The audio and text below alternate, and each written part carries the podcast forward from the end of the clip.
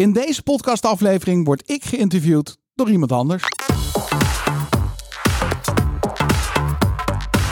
Hey Roeland, welkom terug in de podcaststudio van Storybrand. Ja, leuk Daan, dankjewel. We hebben een hele bijzondere aflevering, want we hebben besloten om een hele populaire podcastaflevering van Glenn Vergozen van Franklin Coffee Institute Benelux, die zijn eigen podcast heeft, de Overspreken Gesproken podcast, om die uit te zenden. Ja. Leuk hè? Ja, superleuk. En het was zijn idee. Nou, top. Want hij benaderde ons en zei van joh, ik ben bij jullie in de podcast geweest, mag ik die gebruiken als uitzending voor mijn podcast? En toen dacht ik, ja, maar dat kunnen we andersom ook doen. Dat is leuk hè? Ja. Dus als je uh, gewoon nog eens een keertje door het hele Storybrand framework heen wil lopen en alle ins en outs van Storybrand wil weten, dan is dit de uitzending voor jou. Want Glenn Vergozen heeft me het hemd van het lijf gevraagd. En ja, het is gewoon een ontzettend leuk interview. Dus ik deel het ook met heel veel liefde. Nou, ik zeg maar één ding dan. Gewoon luisteren? Luisteren, ja. Alright. Hier is Glenn Vergozen. Hey, hallo lieve luisteraar. Wat fijn dat je weer luistert naar de Over Spreken Gesproken podcast. Ik ben Glenn en samen maken we korte metten met plankenkoorts en leren we spreken met meer impact. En in deze aflevering, aflevering 77, ik uit mijn hoofd, ik, ja, ik, we maken hem gewoon 77. Het wordt gewoon aflevering 77, interview ik en, en Daan zit al tegenover mij, Daan Schmid. Daan is oprichter van Schmid Communicatie en Story Brand Nederland.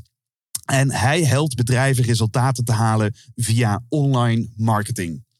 Hij studeerde business management en uh, heeft jarenlang gewerkt als uh, sales en marketing director. Maar begon een aantal jaar geleden voor zichzelf en heeft nu het bekende boek van Donald Miller, Story Brand, naar Nederland gehaald. En daar gaan we het in dit gesprek over hebben. Over hoe jij als ondernemer je omzet drastisch kunt verhogen door het toevoegen van storytelling elementen. Dus je krijgt antwoord op vragen als: wat gaat er eigenlijk fout bij de gemiddelde marketing van ondernemers? En hoe ontwikkel je dan een boodschap die gemakkelijk is om te begrijpen? En wat is nou die story brand framework waardoor je online of offline je impact drastisch zal verhogen? Luisteraar, ik wens je heel veel luisterplezier toe. Daan, welkom in de podcast. Dankjewel, Glenn. Fijn om hier te zijn. Ja, fijn dat je er bent. Ja. We, we, we, we, hebben al, ik denk volgens mij wel langer dan een uur zitten, zitten ouwe hoeren over van alles en nog wat. Ja, we hadden het zo op kunnen delen. ja, dat is altijd zo stom hè. Dat is er iedere keer weer dan. Eigenlijk vraag ik mezelf soms af of ik niet gewoon dat hele voorbespreking, gewoon, of dat ja. niet gewoon de podcast moet zijn. Ik herken het. Wij doen het bij onze eigen podcast ook. En dan denk ik, had ik dit maar opgenomen. Dit was goud. Want jij hebt eigenlijk heel jouw, ja, een beetje jouw levensverhaal uh, zojuist uit de doeken gedaan. Ja. Nou, als, uh, als de luisteraar dat wil weten, moeten ze je maar bellen. Ja, precies. precies. Want volgens mij, als we het hebben over Storybrand, gaat het niet zozeer over het levensverhaal van de ondernemer. Nee, nee dat is precies wat er, uh, uh, om antwoord te geven op je vraag, wat gaat er mis? Denk ik dat dat een van de belangrijkste dingen is die we verkeerd doen in onze marketing. Bewust of onbewust. Ik denk onbewust. dat is veel te veel vertellen over onszelf. En de, in, in, principe is jouw klant helemaal niet geïnteresseerd. Hmm. Uh, hoeveel medewerkers je hebt, hoeveel klanten je hebt, hoeveel omzet je maakt, uh, welke awards je hebt gewonnen. Uh, de hele geschiedenis met alle jaartallen en dat je overgrootvader het ooit begonnen is.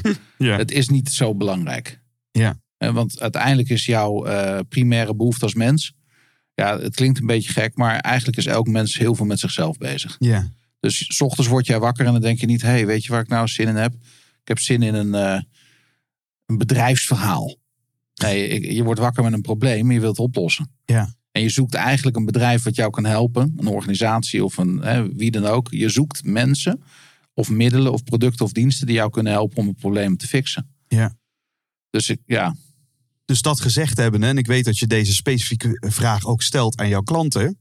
Storybrand, wat is het en wat heb ik eraan als ondernemer? Ja, nou, Storybrand uh, is gebaseerd op de eeuwenoude techniek van het verhalen vertellen. En als je kijkt naar ons menselijk brein, dan is het krachtigste instrument wat wij op aarde hebben um, verhalen. Daarmee kun je de aandacht krijgen van een brein. Zelfs zo sterk dat we uh, 90 minuten lang naar een film kunnen kijken. En soms wel 120 minuten lang naar een film kunnen kijken. Ja. Zonder dat ons brein afgeleid wordt en gaat dagdromen. Dus zo krachtig is het vertellen van een goed verhaal. En als je de principes van een goed verhaal kent, toepast in je marketing, dan zie je daar absoluut het resultaat van. Hmm. Dus dat heb je eraan. En, en, en dan ben ik benieuwd, en dat beschrijf je ook in het begin van het boek. eh, Wat is jouw allereerste aanraking geweest met uh, Storybrand? Ehm 2017. Ik was onderweg naar Arizona. Ging eh, naar een conferentie toe. En ik had het boek meegenomen in het vliegtuig. Omdat ik wist dat Donald Miller daar zou spreken. Ik denk, nou weet je, laat ik zijn boek ook maar vast lezen. Ja. En dat was voor mij echt een aha-moment. Ik, ik zat in dat toestel. Het was zelfs zo erg, ja... Je slaakte een gilletje, Ja, volgens mij. ja, ja, ja. Nou, weet je, die eh, vluchten naar, naar Houston, die zijn altijd 's ochtends om 10 uur van KLM. Oké. En eh, wat er dan gebeurt is, je stapt het toestel in. Je krijgt je maaltijd, eigenlijk al je avondeten. Eh, s ochtends om 10 Een uur. beetje de jetlag eh, te voorkomen. Ja, ze willen je in die biologische klok van Amerika hebben. Dus eh, de raampjes gaan naar beneden, de lichten gaan uit. En eigenlijk willen ze gewoon dat je gaat slapen en dat je alvast in dat ritme komt. Maar dat lukt mij nooit. Ik ben altijd klaar wakker. ja. En, dus ik zat daar te lezen met mijn leeslampje. En ik vergat heel eventjes dat daar nog meer mensen in het vliegtuig zaten. Het was overigens mijn laatste vlucht met een Boeing 747. Weet je, echt met zo'n grote kist van KLM. Nu vliegen ze daar niet meer mee. En ik zat economy comfort. Want ja, dan heb ik net even iets meer beenruimte. ja, met een grote man. Ja, precies. En ik zit daar en ik lees. En ik eh, roep zo keihard door dat toestel. Yes! ik denk, nou, die man naast me, die kreeg zo wat een hartverzakking. dat was echt gênant. En, ehm, eh, en rechts voor me, dat zag ik meteen in mijn ooghoek. Er zat iemand die, ja, die had net een glas champagne eh, vast. En, eh, en die liet dat eh, op de grond eh, kletteren. Dus ja, er was wat commotie. En even later zat ik weer in het boek en ik dacht echt, als dit werkt, hebben we goud in handen. Ja. En dat is even dan even terug naar dat specifieke moment. Wat moet er gebeuren om Daan een, een volmondig yes te laten Ja. uitroepen in een vol vliegtuig? Ja, nou dat is wel, ja, dat is eigenlijk een hele goede vraag. Want ik, ik heb, ehm, ik, ik, ik zei het net ook tegen je, maar soms ben je op zoek naar iets in je leven. Maar pas als je het vindt, wist je dat je ernaar op zoek was. En voor mij is Storybrand, qua framework, qua marketing aanpak, het fundament van je marketing. En daar was ik altijd naar op zoek. Ik, ik, eh, wij hebben als slogan online marketing met resultaat. Eh, Tenminste bij Schmid Communicatie, bij het online marketingbureau. Ja. En ehm, dat is nogal wat. Ik weet dat toen wij ons bedrijf begonnen en die slogan hadden, dat er marketeers en andere bureaus in de omgeving mij belden en zeiden van, joh, maar dat kan je nooit, dat kan je nooit Hard waarmaken. maken of zo. Dat is niet bewijsbaar Ja, of zo. dat, dat is wel een hele tricky uitspraak die je er doet. Ja. Waarop mijn antwoord was van, joh, maar als je dat niet kunt, waarom heb je dan een marketingbureau? Ja. Eh, Er zijn gewoon principes die je kunt volgen, waardoor je succesvol bent. Maar de eerlijkheid gebied te zeggen dat we de ene keer succesvoller waren dan de andere. En dat wij ook wel eens onze mislukkingen hadden. Ja. Dus dan ga je toch op zoek naar van, is er dan niet... Hè, ik heb boeken vol met bedrijfsmodellen, die heb jij waarschijnlijk ook wel gelezen. Mhm. Eh, we kennen ze allemaal, de BCG-matrix, eh, noem maar op. Allerlei modellen voor bedrijfsmanagement. maar er is niet één model voor marketing en communicatie. Dat is er gewoon niet. Tenminste, ik heb het nooit kunnen vinden. En als je dat nou volgt, dan komt het goed. Al, al voor marketing dus. Voor marketing. Ja. En, en toen ik dit las, ja, waarom, waarom die yes? Omdat ik dacht van ja, maar dit is het. Dit is, dit is dat framework. En dus, dus voordat je überhaupt marketing gaat bedrijven. Kijk, marketing is een samenvoeging van twee woorden. Getting the market. En daar hebben ze eh, eh, market getting. eh, marketing is dat geworden. Ah, ja. Dus het is het, het bereiken van je markt. En ehm, hoe gek is het dat daar wel allerlei ideeën voor zijn. En allerlei vergezichten en allerlei... eh, ja, de een zegt dat moet je zo doen, de ander zegt dat je dat zo moet doen. Maar er is niet iemand die zegt nee, maar er zijn gewoon een paar universele principes. Als je die nou volgt, heb je dat basis, eh, die heb je goed staan. En dat las ik hier. Nou was ik wel sceptisch, want die Amerikanen, als die ergens goed in zijn, is het in dit soort formules. bergen beloven, hè? De Ja. drie stapjes naar. Ja, 100 procent. Weet je, dus eh, en, eh, ja, jij hebt ook heel veel boeken gelezen.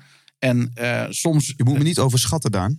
Nee? Nee, nee, nee. nee. Nu, nu kan, kan ik eerlijk zeggen dat ik best wel een soort gekkie ben, inderdaad, met een boekenkast Ja. vol met, eh, met boeken. Maar, maar, maar ga door, ga door. Ja, maar we, we- ik denk eh, dat, dat de luisteraar ook wel herkent dat je dan een boek hebt. Dat je denkt, wauw, wat goed. Dan ga je het in de praktijk brengen en dan valt het toch tegen. Dan is Ja. het minder praktisch sowieso. En dat is natuurlijk de kracht van het boek. Dat zei je net ook, hè, van joh, wat me opvalt bij, bij Storybrand is het is super praktisch. Ja. Ehm, en het tweede is, is het nou echt universeel of is dit cultureel gebonden? Ja. Dus met die skept, dus ik was ja, ik was heel enthousiast, maar ik had wel zoiets, ik wil het wel eerst zien en dan geloven. Dus ik heb mijn grootste klant gebeld eh, toen ik terug was eh, in Nederland en gezegd: wil je met mij een test doen? En eh, we hebben een dag gezeten, eigenlijk zijn boodschap aangepast met het framework. Dus dan gaan er echt een paar dingen verschuiven. Ga je anders spreken, ga je andere dingen op je website zetten. En toen hebben we die homepage aangepast en het webinarscript. Ze hadden één keer per week een webinar. Dat vulden ze met advertenties. En dat deden wij voor ze. En dan hadden ze ongeveer gemiddeld 100 deelnemers per webinar. Ja. Ehm, daar werd redelijk verkocht. Maar we hadden gewoon in een kwartaal 33% meer omzet. En, en dat was gewoon, dat was zo astronomisch. Dat zelfs die ondernemers zeiden: Wow, dit is krachtig. Ik heb, ik heb nog meer bedrijven, dan mag je dit ook gaan doen. en eh, zo zijn we eigenlijk drie jaar lang Nederland doorgegaan. België doorgegaan. Ik heb zelfs een paar buitenlandse klanten in Zwitserland en, en Duitsland uh, uh, door dat framework gehaald. En we zagen continu hetzelfde. Of het nou non-profit organisaties waren, profit organisaties. Het maakt niet uit. Business to consumer, business to business, maakt niet uit. Producten, diensten. Dit zijn echt universele principes die meteen voor een verandering zorgen. En toen ik dat zag, dacht ik, ja, maar dan ga ik me ook laten certificeren. Dus ik ben naar Nashville gevlogen. Ik heb me laten certificeren.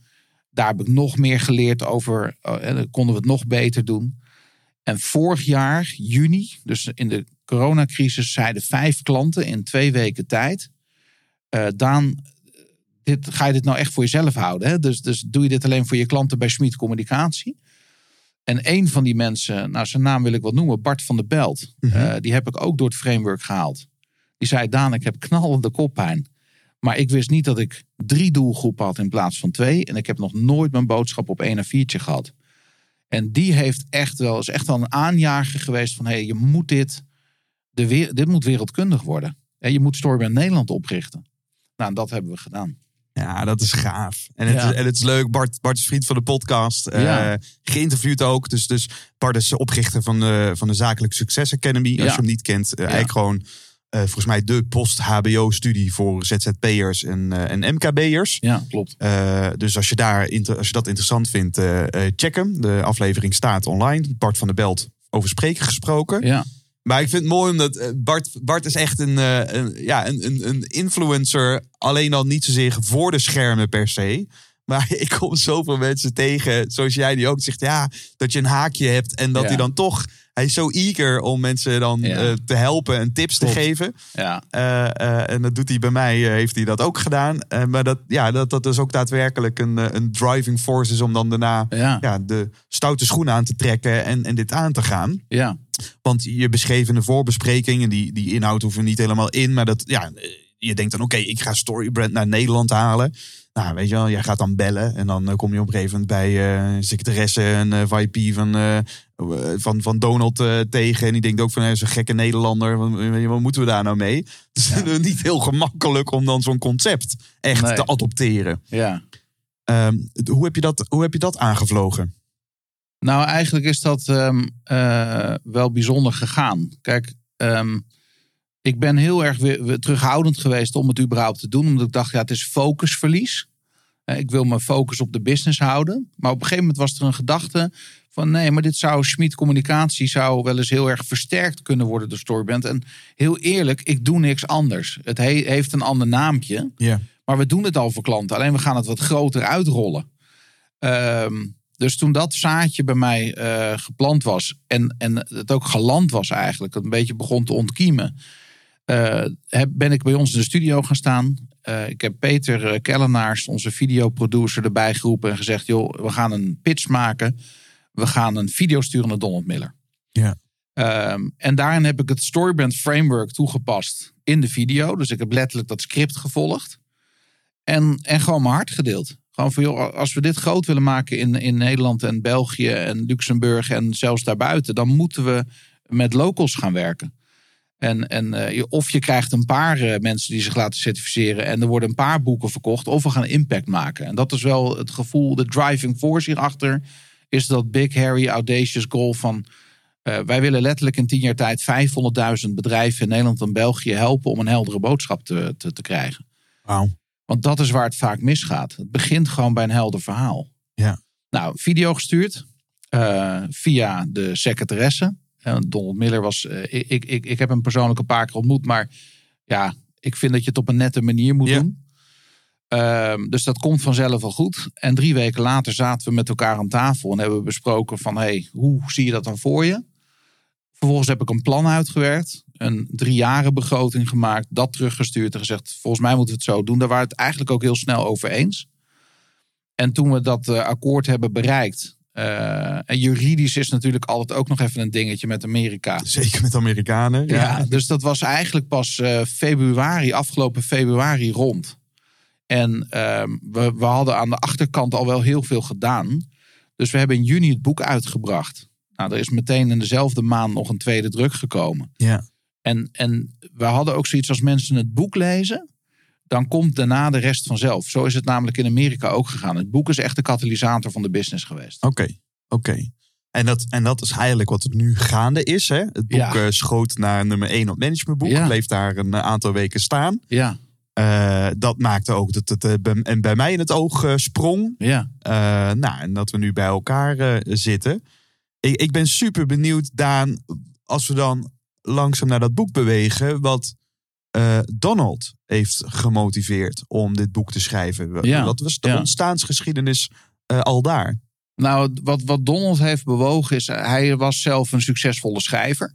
Eh heeft, heeft meerdere boeken op de New York Times bestsellinglist gekregen. In een heel andere categorie. Ook nog Business geen, made easy. ja, dat, dat nog niet eens. Dit is nog echt in de tijd van, van de... ehm, eh, Dat was toch voordat hij in... eh, voor zijn business. Ja, ja, exact. Ja. Hij was een screenplay writer, toch? Die ook nog. Dus hij heeft ook nog filmscripts geschreven. Maar hij heeft een aantal boeken geschreven, meer in de christelijke hoek. Oké. Ehm, eh, ja, romanstijl, verhalen vertellen. Ook wel autobiografische elementen daarin.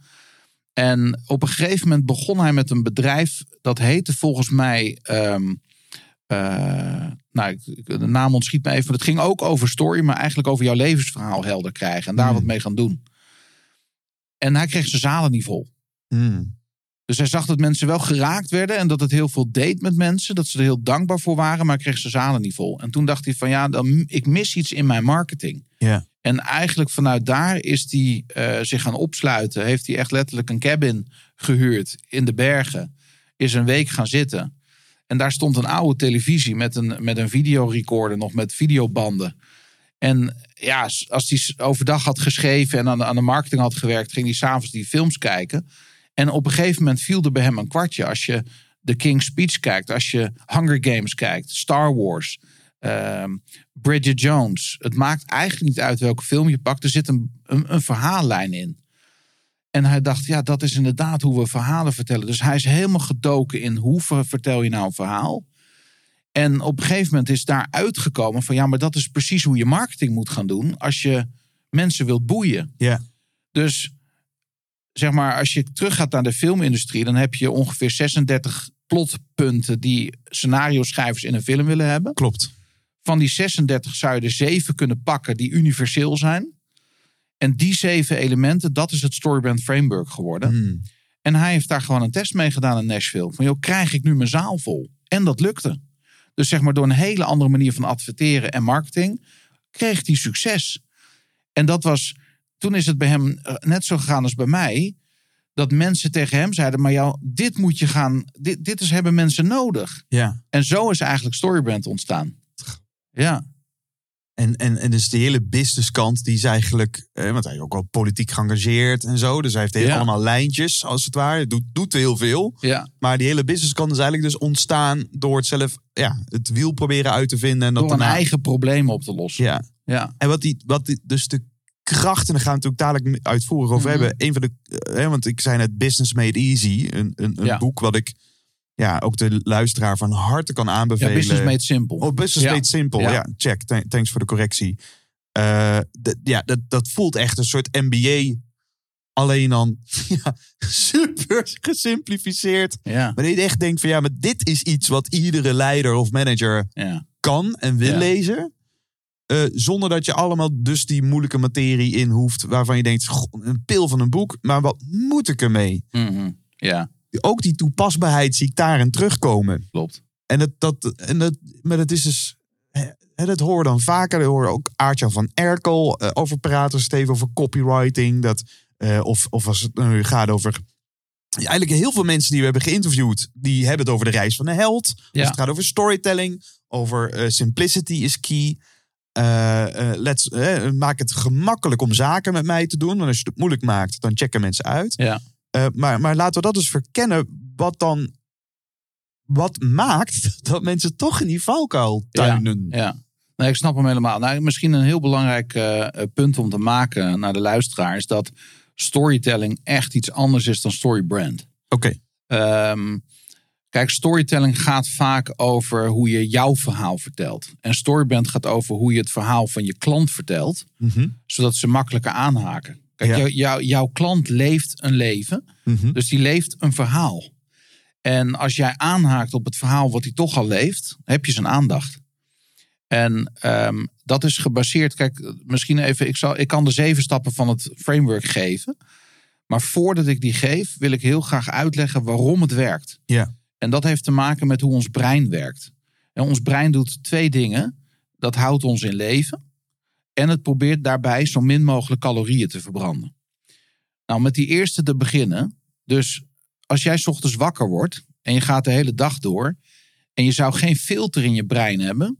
Die al meteen onderscheid maakt tussen waar je wel aandacht aan geeft en niet. Dan zou je helemaal gek worden. Ja. Je leven heeft, is dan compleet zinloos. Ja. Want zodra je een Starbucks binnenkomt, pak je de eerste beste de verpakking. En je kijkt ernaar en je denkt, oh wauw, hoe hebben ze dat gesield? En wauw, wat voor lettertype hebben ze gebruikt? En je zou continu random in allerlei informatie duiken. Waar je door heel veel calorieën verbrandt. En die niets te maken heeft met jouw overleven. Ja.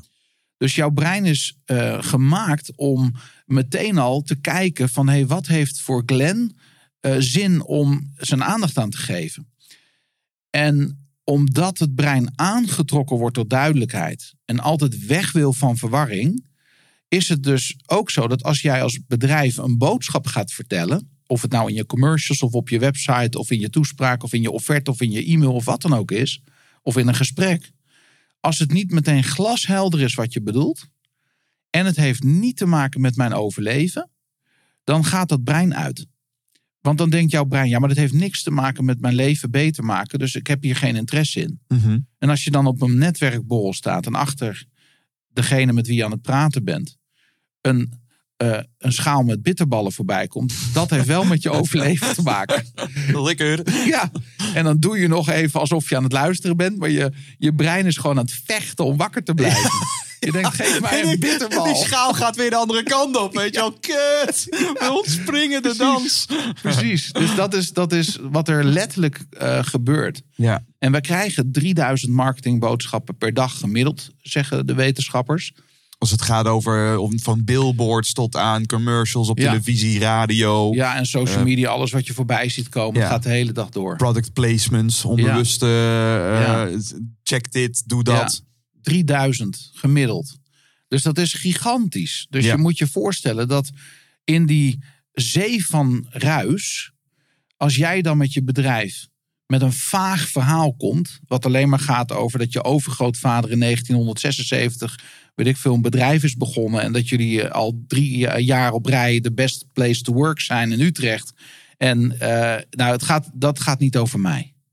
Dus het is cruciaal dat we duidelijk zijn. Ja. En mensen kopen niet de beste producten en de beste diensten. Ze kopen de producten en diensten die ze het snelste en het beste kunnen begrijpen.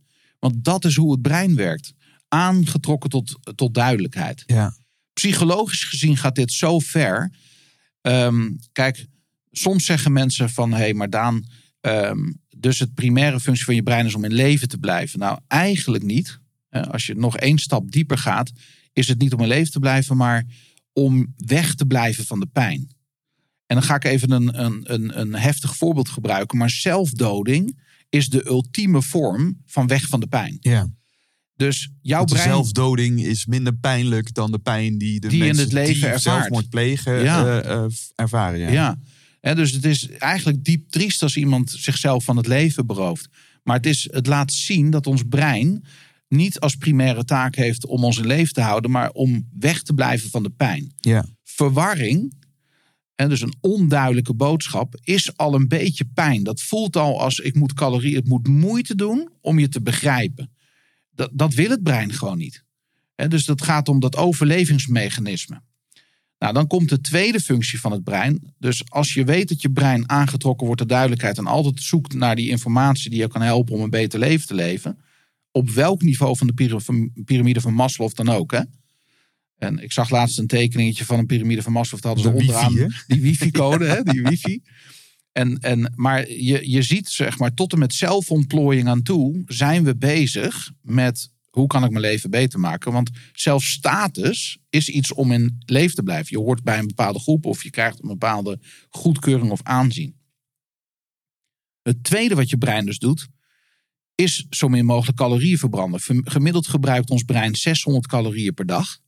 Als je een dag zit te studeren of een examen moet maken of zit te schrijven, is dat 800 tot 1000 calorieën. Dus dat is een behoorlijk percentage. Ja. Dus als ik heel veel calorieën moet verbranden, dan haak ik ook af. Ja. En als ik heel eerlijk ben, nou, heel veel organisaties en bedrijven, als ik alleen al even als website. Ik neem even de website als voorbeeld, omdat het zo makkelijk is. Ja. Maar het gaat om alle vormen van boodschappen, commercials, et cetera. De meeste websites, en ik weet niet of je dit ook wel eens zelf hebt, maar als ik naar een website ga, soms moet ik helemaal scrollen en weet ik eigenlijk, als ik de hele pagina heb bekeken, nog steeds niet wat ze doen. Hmm. Ik weet niet wat ze doen. Ik weet ook niet hoe het mijn leven beter gaat maken. En heel, heel erg, maar ik weet ook niet eens wat ik moet doen om het te krijgen. Hmm. En, en die verwarring, die, die, zie ik, die zie ik continu. Ja, dus als, als je eigenlijk, als jij zo'n onduidelijke boodschap hebt, dat ik op je homepage niet eens kan zien wat je doet en hoe het mijn leven beter maakt, is het alsof je mij op een loopband zet en heel hard laat lopen. Hè, dus heel veel calorieën moet verbranden om überhaupt te begrijpen wat je doet. Ja. Een ander voorbeeld wat ik wel eens gebruik is dat ik zeg van joh, als jij mijn, jouw verhaal gaat vertellen van jouw bedrijf, als je marketing gaat bedrijven en je geeft me één idee, dan is het alsof je mij een bowlingbal van, een, van 4 kilo geeft. Nou, die ene bal die kan ik wel vasthouden. Dat lukt nog wel. Dan ga je nog een idee aan me presenteren. Van ja, we kunnen ook dit voor je doen. Dat kan ik ook nog wel vasthouden. Ja. Maar nu komt er nog een derde ding wat je mij gaat vertellen. En daar gebruik je een stukje vakjargon als accountant of als marketeer of eh, als, als techneut, als ingenieur. Je gebruikt een bepaalde vakterm. Dan is het alsof je die derde bowlingbal insmeert met vaseline. ja, dat, dat gaat net, hè? Dat, dat- dan zie je mij al wiebelen. En nu kom je met nog een idee. Ja, wat gebeurt dan, er? dan, dan vallen Dan ze allemaal. Dan vallen ze allemaal. En Ja. dat is exact wat er gebeurt. En wij maar vragen: hoe kan het dat mijn marketing niet werkt? Ja. Hoe komt het dat ik niet genoeg klanten krijg? Omdat je boodschap niet klopt. Ja. Dus de boodschap is ofwel te vaag, ofwel te veel. Ja. Ofwel eh, het, het, het triggert niet met het verhaal van de klant. Precies. En, en, je, en je- er zijn neurowetenschappers die eh, eh, ijverig met elkaar di- bediscussiëren of er überhaupt een vrije wil bestaat. Ja. Nou, daar, daar zijn de meningen over verdeeld. Maar we weten één ding heel zeker. En dat is dat we al onze keuzes baseren op emoties Ja. of instinct. Ja. En dat de, dat de perceptie dat we rationele wezens zijn, die, die al onze keuzes wel overwogen maken, Ja. dat is een utopie. En dat is wel wat ik nog steeds tegenkom, in, in, eh, zeker in de corporate wereld, is dat we van elkaar eigenlijk uitgaan. Dat we een soort van verwachten dat we allemaal professioneel en hoogopgeleid Ja. en daarmee heel rationeel onze keuzes maken. Ja. En ik leg het één keertje uit en ik heb hier mooie slides en dan zal het toch wel duidelijk zijn. Ja. En dan doet iedereen volstrekt iets anders. Ja, ja maar dit, dit is zo. Ik ben zo blij dat je dat zegt, Clem. Want ehm, dat rationele, ik zeg wel eens, mensen zijn emotionele wezens met een rationele ervaring. En geen rationele wezens met een emotionele ervaring. Mm, dat mooi. denken we vaak Mm. vanuit ons ego. En dus, dus, dus hoe groter het ego, hoe meer we het ratio gaan aanprijzen. Hoe kleiner het ego, hoe meer we met de emoties durven leven. Dat is cruciaal voor onze marketing. Want anders ga je namelijk je product verkopen of je dienst aanbieden vanuit ratio. Dus dan ga je het maar hebben over features. Ja, Zoals opties. opties. Autoreclames zijn jarenlang zo geweest. Dit zit erop, dat zit erop, dit kun je ermee. En wat zie je de afgelopen jaren ontstaan? Dat zelfs die auto-industrie is gaan begrijpen. Het gaat om die emotie. Ja, ik moet denken aan, eh, aan die commercial nu van Volvo. Met Ja. eh, eh, Ellen Watts.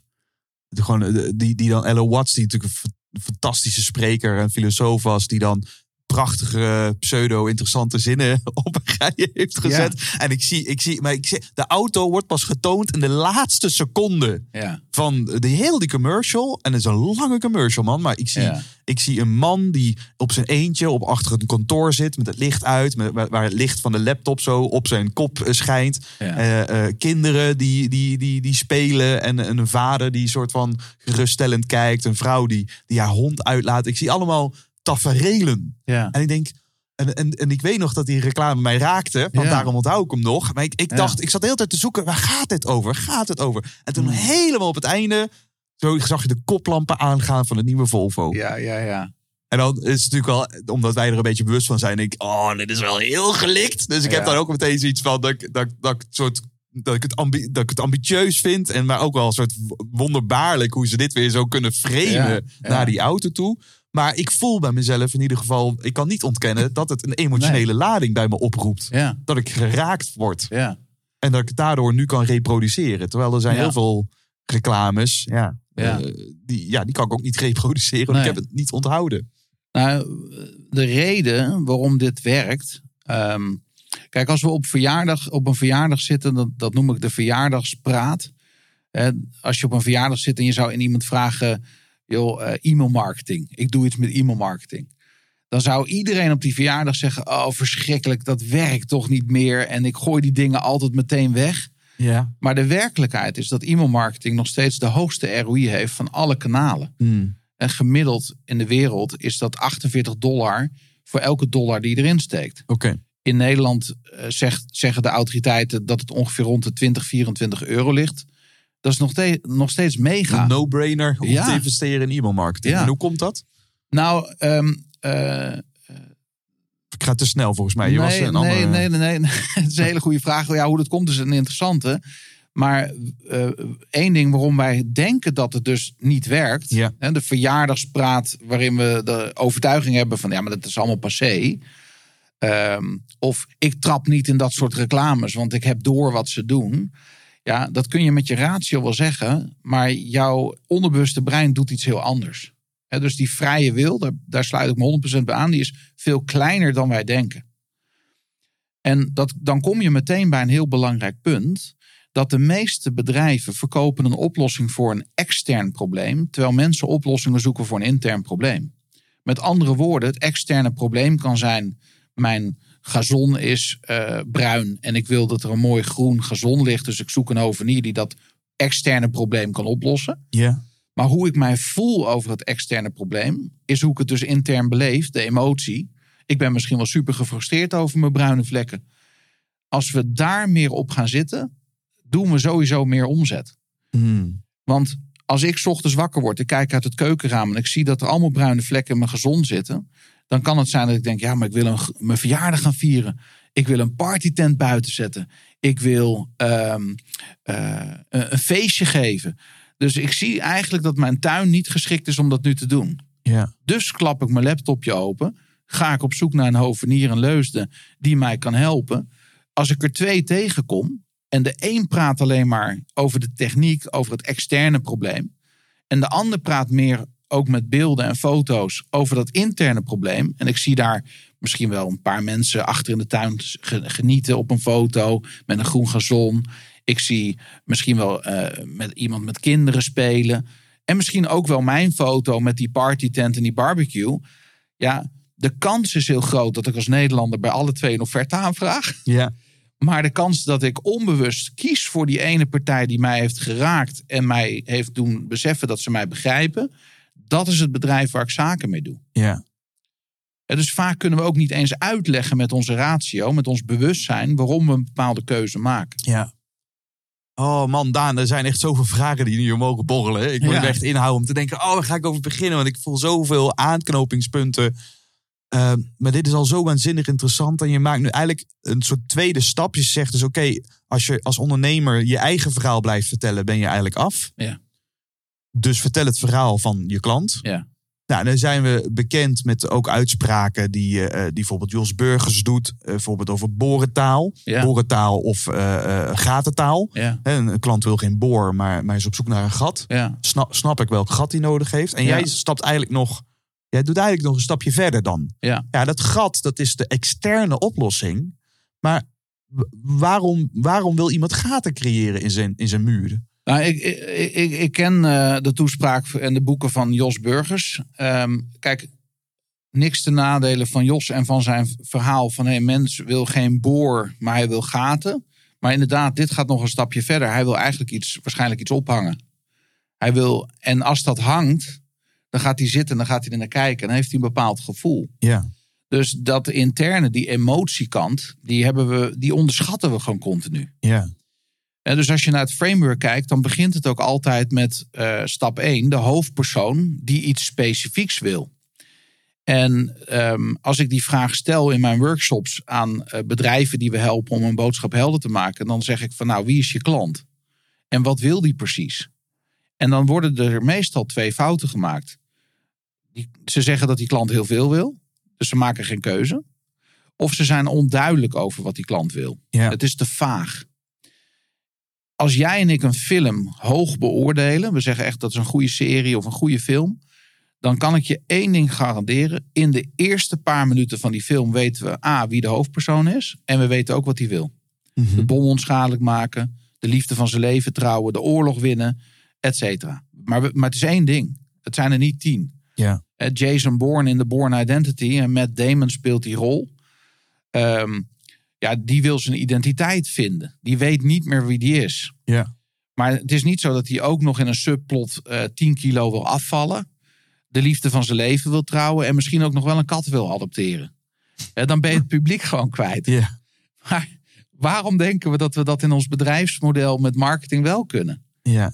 Dus de reden dat we zo geboeid 90 minuten tot 120 minuten naar zo'n film kunnen kijken, is omdat het plot heel helder is. Ja.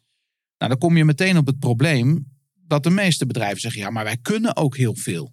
ja En we dus doen ook we heel zijn veel. niet lineair. Nee. we maken maatwerk. We hebben heel veel producten en we Ja. hebben heel veel diensten. Nou, je kan natuurlijk, als je deze zeven stappen van Storybrand volgt, heb je uiteindelijk een brandscript. Een script van je merk. Ja. Op basis daarvan kun je dus je marketing gaan aanpassen. Ehm, maar er gebeurt nog iets. Want op het moment dat jij die boodschap helder hebt, ehm, ben je eh, niet alleen in staat om op een andere manier te gaan communiceren, maar heb je ook nagedacht over die boodschap van je bedrijf. We beginnen dus ook meestal met een overkoepelend brandscript. Mm. Maar de, ik zeg heel vaak ook tegen grote ondernemingen: voor elke divisie kun je ook zo'n script schrijven.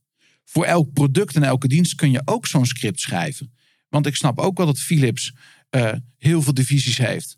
Onder andere in de gezondheidszorg. En dat Ja. ze daar misschien wel meerdere producten en diensten aan meerdere doelgroepen Dat is hebben. toch net iets anders dan de grooming eh, Ja. department voor de scheerapparaten. Ja, een mooi voorbeeld vind ik eh, Dave Ramsey Solutions in Amerika. Mhm. Dave Ramsey, als je aan een Amerikaan op straat zou vragen, noemen ze een financiële planner.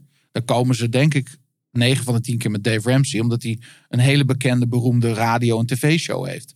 Over uit de schulden komen. Dave Ramsey Solutions met zijn team, ik denk dat er 500 man werkt, maar met zijn team is hij door dit Storybrand Framework heen gegaan. En kwamen ze erachter dat ehm, zeg maar de, de, de boodschap.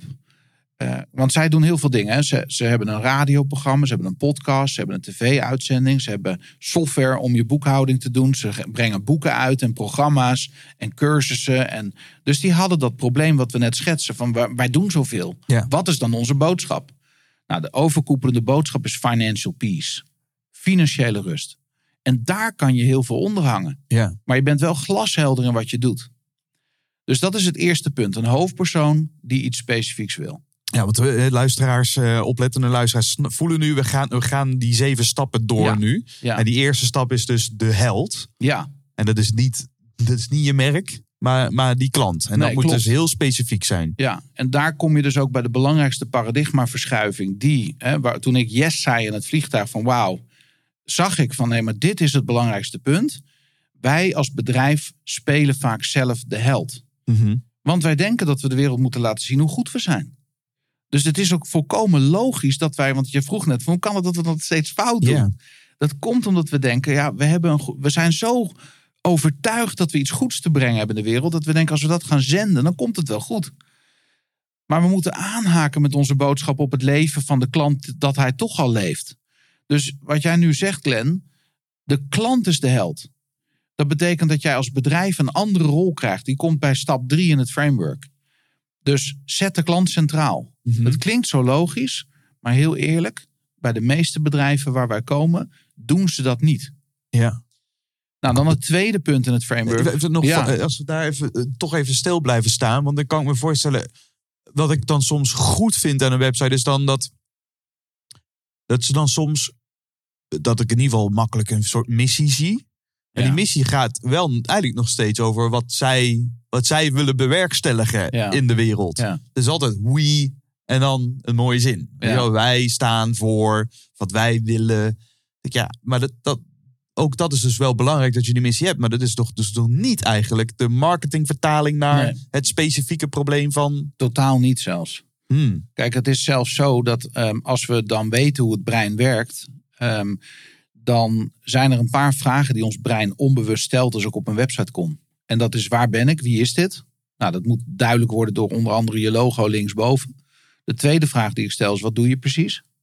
En de derde vraag is: hoe maakt dat mijn leven beter? Wat heb ik eraan? What's in it for me? En dan is de volgende vraag: als ik er dan van over, als ik begrijp wat je doet en ik zie dat het iets voor mij kan betekenen, wat mij helpt om to- survive and thrive, om een beter leven te leven, wat moet ik doen om het te krijgen? Dat zijn de vragen. Dus de tweede stap in het framework is cruciaal om over te praten in plaats van over je missie en je visie en je strategie. Je praat over het probleem van je klant. ja. In die eerste paar minuten van een film wordt dat probleem van die held duidelijk. Want daar begint eigenlijk pas het verhaal. precies. De- als de held een bom onschadelijk wil maken, ja, wat houdt hem dan tegen? Ja. Nou, als hem niks tegen zou houden, hebben we een kort verhaal. Ja. hebben we een korte film. dus er is altijd een probleem wat geïntroduceerd wordt. Ook dit, dit, dit is zo'n paradigmaverschuiving, toch? Dat Ja. iedere film, ieder toneelstuk heeft een conflict, draait om een conflict. Ja, Maar daar, daar wil ik als ondernemer, wil ik, wil ik, ja, ik, ik, ik ben juist helemaal, helemaal hola hesa over die oplossing. ja. Dus ik wil helemaal niet hebben over dat probleem. Nee, Ik wil daar weg van. nee. Ik durf zelfs te beweren dat als wij nu random 100 websites in Nederland van gerenommeerde partijen zouden opzoeken, dat er maar een handjevol overblijven die praten over het probleem. De meeste praten alleen over de oplossing. Als wij, als wij eh, partijen helpen die zeggen van we, we, we kunnen niet verder schalen. We hebben wel wat succes, maar we hebben niet het grote succes. Eh, We breken niet door in onze omzetgroei. We behalen onze doelstellingen niet. Waar ik het eerste waar ik naar kijk, is praat je over het probleem van je klant. En, want daar ligt heel vaak het probleem. En dat probleem dat doet zich voor op een paar niveaus. Want als een moeder met kinderen in de bioscoop zit en kijkt naar Moneyball, de film met, eh, hoe heet hij ook alweer? Morgan Freeman ook. En, eh, ja, hij is, het gaat natuurlijk over een baas van een honkbalteam. ja. En eh, de hoofdrolspeler moet het probleem oplossen dat het honkbalteam niet goed functioneert. Hm. Die moeder met kinderen, die kan naar buiten lopen een anderhalf uur en zeggen: Wauw, wat een geweldige film. Die film ging over mij. Nee, die film ging helemaal niet over jou. Die film ging over iemand die een honkbalteam succesvol wilde maken. ja. En dan zegt die moeder met kinderen tegen ons: nee, die film ging wel over mij. Want het ging over een man die een probleem had. En dat probleem was groot. En er was een uitdaging in zijn leven. En dat moest hij oplossen. En dat, dat, dat heb ik ook. Ik heb ook problemen in mijn leven die ik moet oplossen. Oh ja, inderdaad. Je hebt gelijk. De film ging wel over jou. Dus hoe kan het dat we naar een film kijken die totaal niks met ons leven te maken heeft. En tegelijkertijd alles met ons leven te maken heeft omdat het gaat over iemand die iets wil en een probleem onderweg tegenkomt. En het probleem doet zich voor op een paar niveaus. We hebben het al gehad over het externe, Ja. het interne, hoe we ons erover voelen, en het filosofische probleem, de strijd tussen goed en kwaad. Dus de, eigenlijk gaat elk verhaal over da- een filosofie, over het overwinnen van het kwade, op wat voor manier dan ook. Ja. En dat gaat eigenlijk in onze marketing is het ook zo. Als je dat concreet maakt, kun je, kun je ons een voorbeeldje geven daarvan? L'Oreal heeft een reclame waarin ze zeggen: omdat je het waard bent. Mhm. Dat is een filosofische statement. Oké. Daarmee zeg je eigenlijk van joh, jij, jij, jij gun jezelf deze prachtige make-up omdat je het waard bent. Het gaat eigenlijk over zelfwaarde. Ja. Dus je kunt filosofie toepassen in je marketing. Dus, dus even eh, het extern, de externe oplossing van L'Oreal, dit voorbeeld nemende, is, eh, is, is cosmetica producten. Ja, Eh, is, ik heb gewoon shampoo nodig. ja zonder make-up wil ik de deur niet uit. Nee, ja, precies. Zonder make-up wil ik de- dus ik heb make-up nodig. Dan het interne probleem is ik wil gezien worden. ja, ik wil of ik wil me significant mooi zijn. voelen. Of, of ja, zo'n goed gevoel hebben goed over gevoel mezelf. hebben over mezelf.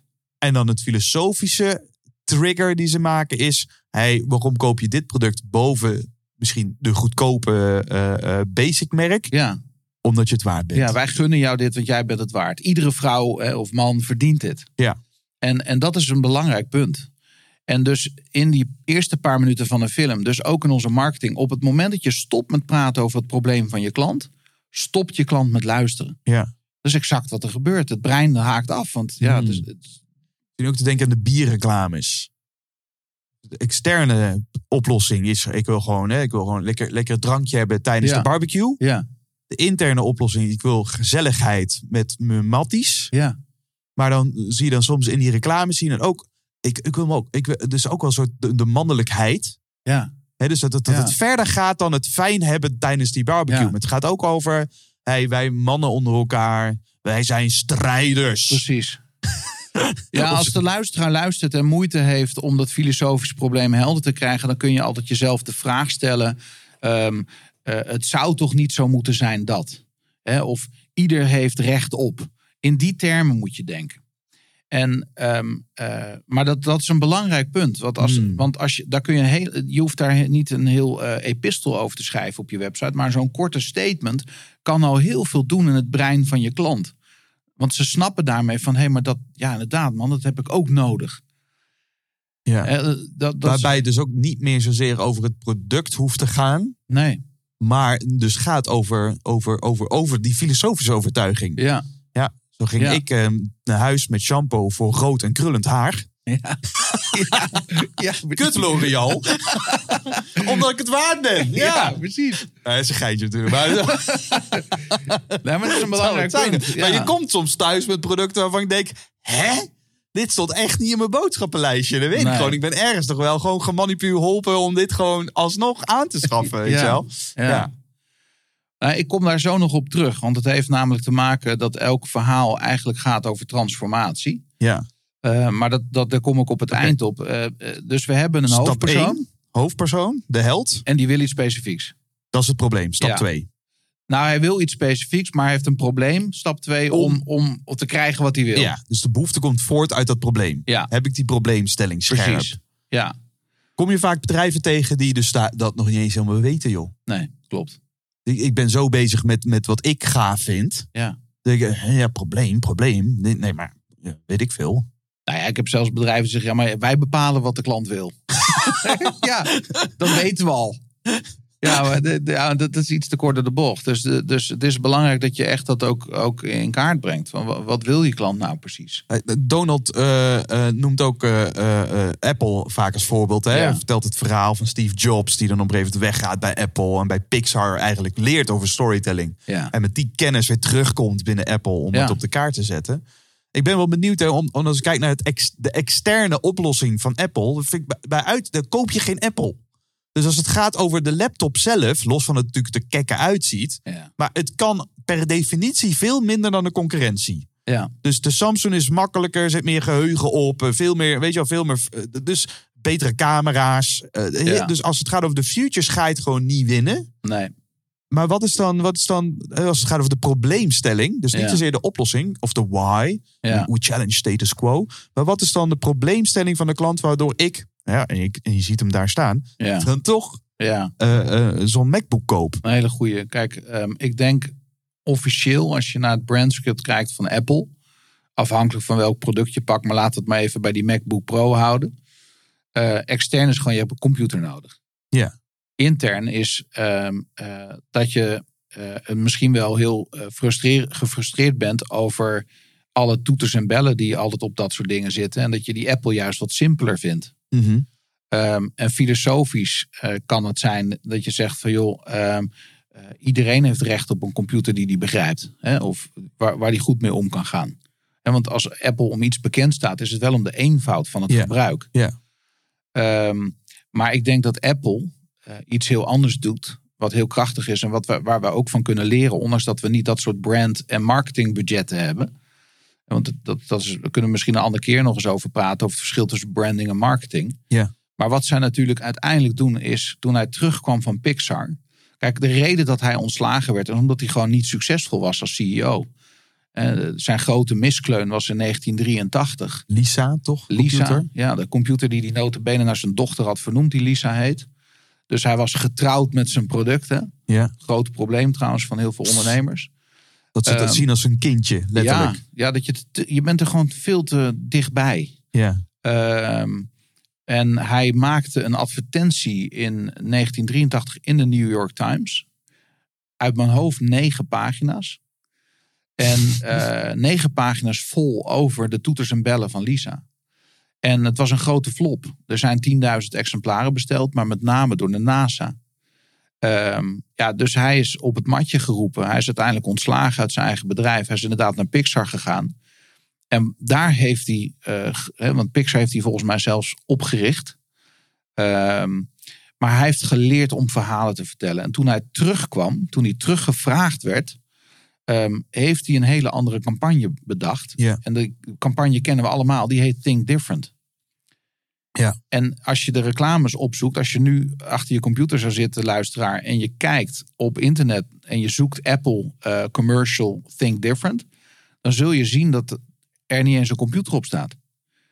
Mohab, eh Mohad Mag- Mag- eh, Gandhi, hè? eh, eh, Einstein. Einstein, dat Ja. soort gezichten staan erop.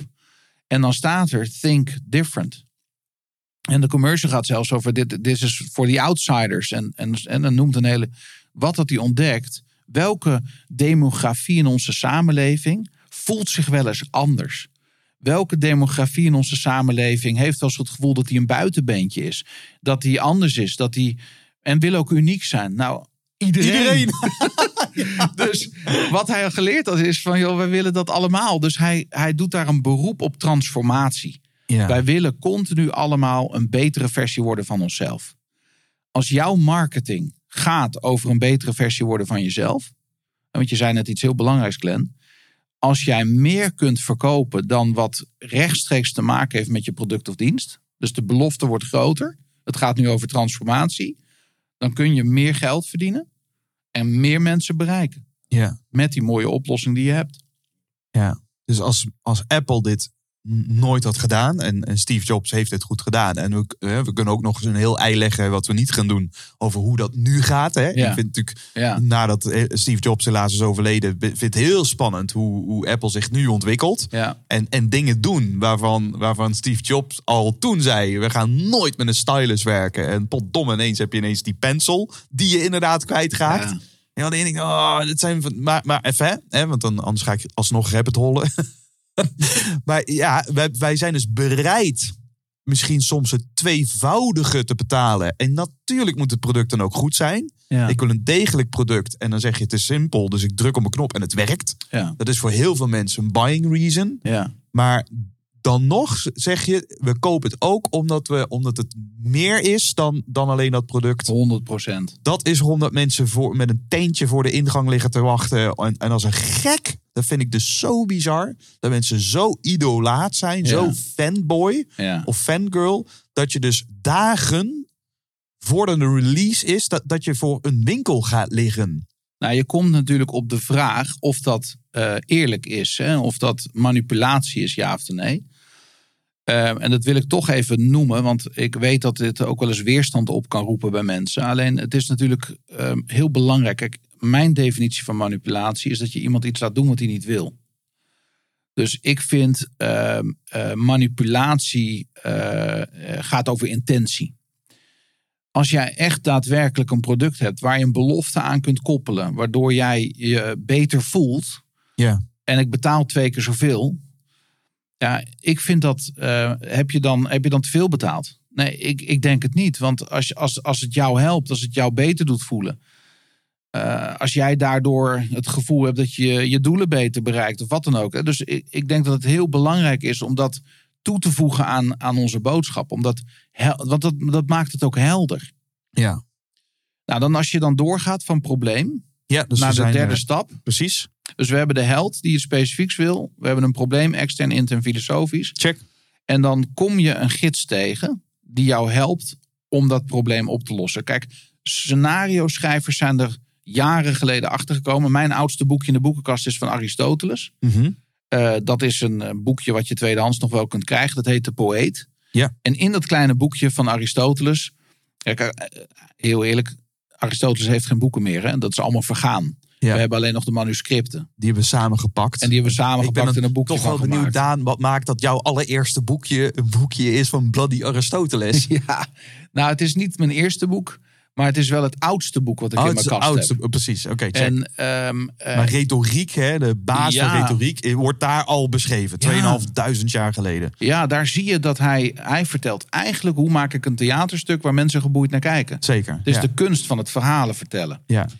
En scenario-schrijvers hebben natuurlijk ontdekt dat als jij een verhaal vertelt. Kijk, een ongeloofwaardig verhaal is een held op het witte doek die een probleem heeft. En vervolgens besluit om het zelf te gaan op te lossen. Ja, waarom had je dan dat probleem? Dus een held kan nooit zijn eigen probleem oplossen, want dan is hij per definitie ongeloofwaardig. Want een held is namelijk altijd het zwakste karakter in de film. Wij denken van niet, maar het is wel zo. Want aan het begin van de film denkt hij: kan ik die bom wel onschadelijk maken? Lukt het mij wel om die oorlog te winnen? Ga ik dat wel? meisje trouwen, ja of nee? ja. En, en, en, en de, de, de, de hele film gaat over: gaat dat lukken of niet? En Ja. succes versus mislukking. En hebben aan de ene kant de tragedies, waarin dat dus hopeloos faalt. Ja, Vinden we lekker. Ja. Daarom dat we soapseries kijken. Weet je wel? Hij moet dood. Ja, yes. Ja. Ludo Sanders is al vijf keer dood gegaan. En nog steeds zit die fokker in die serie. Echt hoe ze dat doen. Geniaal. Maar je hebt dus tragedie aan de ene kant. Of, of de triomfen Ja. uiteindelijk. Maar dat begint inderdaad met een hoop hoop, onzekerheid en, en gedoe. En, eh, Elke held heeft een gids nodig. James Bond heeft Mr. Q die hem de pen geeft waarmee hij kan schieten. En de Aston Martin waarmee hij eh, alle trucjes kan doen eh, die in die auto zitten, et cetera. Star Wars eh, heeft Yoda. Ja, Luke om- Skywalker. Ja, Luke Skywalker is natuurlijk de held die Yoda nodig heeft om. Hè, want ben ik wel een goede Jedi? Kan ik die oorlog wel winnen? Kan ik de Darth Vader wel verslaan? Kan ik de Resistance wel leiden? Mijn familie is dood. Ik moet het nu doen. Ik heb dat nog nooit gedaan. Lukt het me wel? En Yoda geeft hem eigenlijk het plan. Ja. En dat is een heel cruciaal punt, ook in onze marketing. Wij willen ook niet de held zijn als bedrijf, want dat is een zwak karakter wat verandert. Nee, we willen de constante factor in ons verhaal zijn naar de klant. Wij zijn de hel of de gids die, die niet verandert. En hoe kun je een goede gids zijn in je marketing? Empathie tonen, Ja. en autoriteit demonstreren. En twee jaar geleden ging ik naar Theo Meijersport in Leusden. Mhm. En ik wilde eh, eh, eh, eh, personal training. Ik wilde afvallen en fitter zijn. Ik kom met Ruben aan tafel. Nou, eh, en als, toen ik mijn plan aan hem voorlegde, had hij kunnen zeggen van nou inderdaad, jij mag wel eens gaan afvallen. Je mag wel eens wat aan je gewicht gaan doen. Dan, dan heb ik misschien wel, eh, en ik kan je er wel, wel, bij helpen. Dan heb ik misschien wel autoriteit, maar ik heb geen empathie. Hmm. Dus de mens, menselijke behoefte is gehoord en gezien worden. En wat zei Ruben tegen mij? Daan, lastig hè, om af te vallen. En, weet hoe moeilijk het kan zijn. Ik weet het zelf zelfs. Hij zei van, joh, ik ben ook te zwaar geweest in mijn diep depressieve jaren. Maar, en, en toen kwam de autoriteit. Ik help mensen met dit en dit plan. En ik ben begonnen. Ik ben een stuk fitter geworden. Dat afvallen, dat, dat, dat lukt iets minder. Dat komt nog. Da- daar moet ik zelf ook heel veel aan doen. Maar ik ben, ik ben echt wel eh, eh, een behoorlijke transitie doorgegaan. En die empathie en autoriteit, dat heeft ervoor gezorgd dat ik eh, zaken met hem ben gaan doen. Hmm. De reden dat klanten klant bij je worden, is omdat ze een gids vinden die ze begrijpt, maar die ook de autoriteit heeft om ze verder te brengen. Ik vind het een hele mooie combinatie. Want wat ik zie is dat het vaak gaat over één, één van beide. Ja. Dus het gaat over, hè, in leiderschapszaken gaat het heel vaak over luisteren. Wat, wat, wat, wat beste vaardigheid is die je kunt ontwikkelen als leider. En, en vaak eh, onderontwikkeld is. Klopt. Maar dan gaat het puur sec over luisteren. En dan mis je af en toe de credibility, de Ja. geloofwaardigheid. Ja. En jij zegt nee, het gaat dus ook over die autoriteit. Dus ik moet je leuk vinden. Ik moet, ik, ik moet me gezien en gehoord voelen. Ja. En tegelijkertijd, en hier zeg je denk ik ook iets cruciaals. Het gaat niet dus over de autoriteit eh, eh, laten zien door middel van hè, al, al, al, al, al een soort uithangbord. Nee, maar het gaat over het, demonstreren. Ja. Eat, eat your own cookie. Ja. Doe ik zelf Ja. wat ik anderen beloof. Ja. Ja, daarom gebruik ik ook heel bewust die woorden empathie tonen en autoriteit demonstreren. Ja. En daarbij wil ik wel de kanttekening maken dat als je die autoriteit te ver doortrekt, word je opnieuw de held in het verhaal. Hè, dus, dus autoriteit wil je bijvoorbeeld tonen door de testimonials, door de business cases, door de logo's van de bedrijven die voor jou gekozen hebben. En net als dat, eh, dat Franklin Coffee op de website heeft staan, de logo's van klanten die jullie hebben. En daar staat de ASML en Philips, et cetera, op. Dat geeft autoriteit. Maar je gaat er geen honderd logo's neerzetten, want ja, dan ben je, dan ben je weer de held aan het spelen. Ja. Dus er zit een, een fine balance in, die heel belangrijk is. Maar, maar me- als mensen zich daar bewust van worden, gaan ze zien van oké, dus zo kan ik, dat, kan ik die gidschool op me nemen. Ja. En waar zijn je klanten naar op zoek? Naar iemand die ze kan helpen om de dag te winnen. Dus hoe gaat jouw product? Het gaat helemaal niet over jouw product. Het gaat niet over je dienst. Tuurlijk is dat een middel. Het is een belangrijk. Maar het is niet het belangrijkste. En dan komen, is dat dan weer stap twee, dat, dat probleem? Of, Ja. of, of Ja, onder andere. Kijk, eh, eh, wa- wat ik heel vaak zeg is als ik bij bedrijven kom die niet tevreden zijn over de resultaten van hun marketing. En, en voelen van ik moet iets aan mijn boodschap doen. Eh, en waarom voelen klanten dat? Waarom voelen bedrijven dat ze iets aan de boodschap moeten doen? Omdat we allemaal, eh Lee Lefevre noemt dat de gap of knowledge. En de gap of knowledge is dat op een, op een schaal van 1 tot 10 weet jij eh 10. Je weet alles van je product en dienst. Dus je voelt al van ik moet iets zakken. Ik moet het iets eenvoudiger maken. Dus ik ga eens op niveau 6 zitten. Maar klanten, vooral de eerste keer dat ze met jouw brand, met je merk in aanraking komen, zitten Ja. op niveau 1 of 2. Ja. Dus alles tussen 1 en 2 en 6 is nog steeds de gap of knowledge. ja.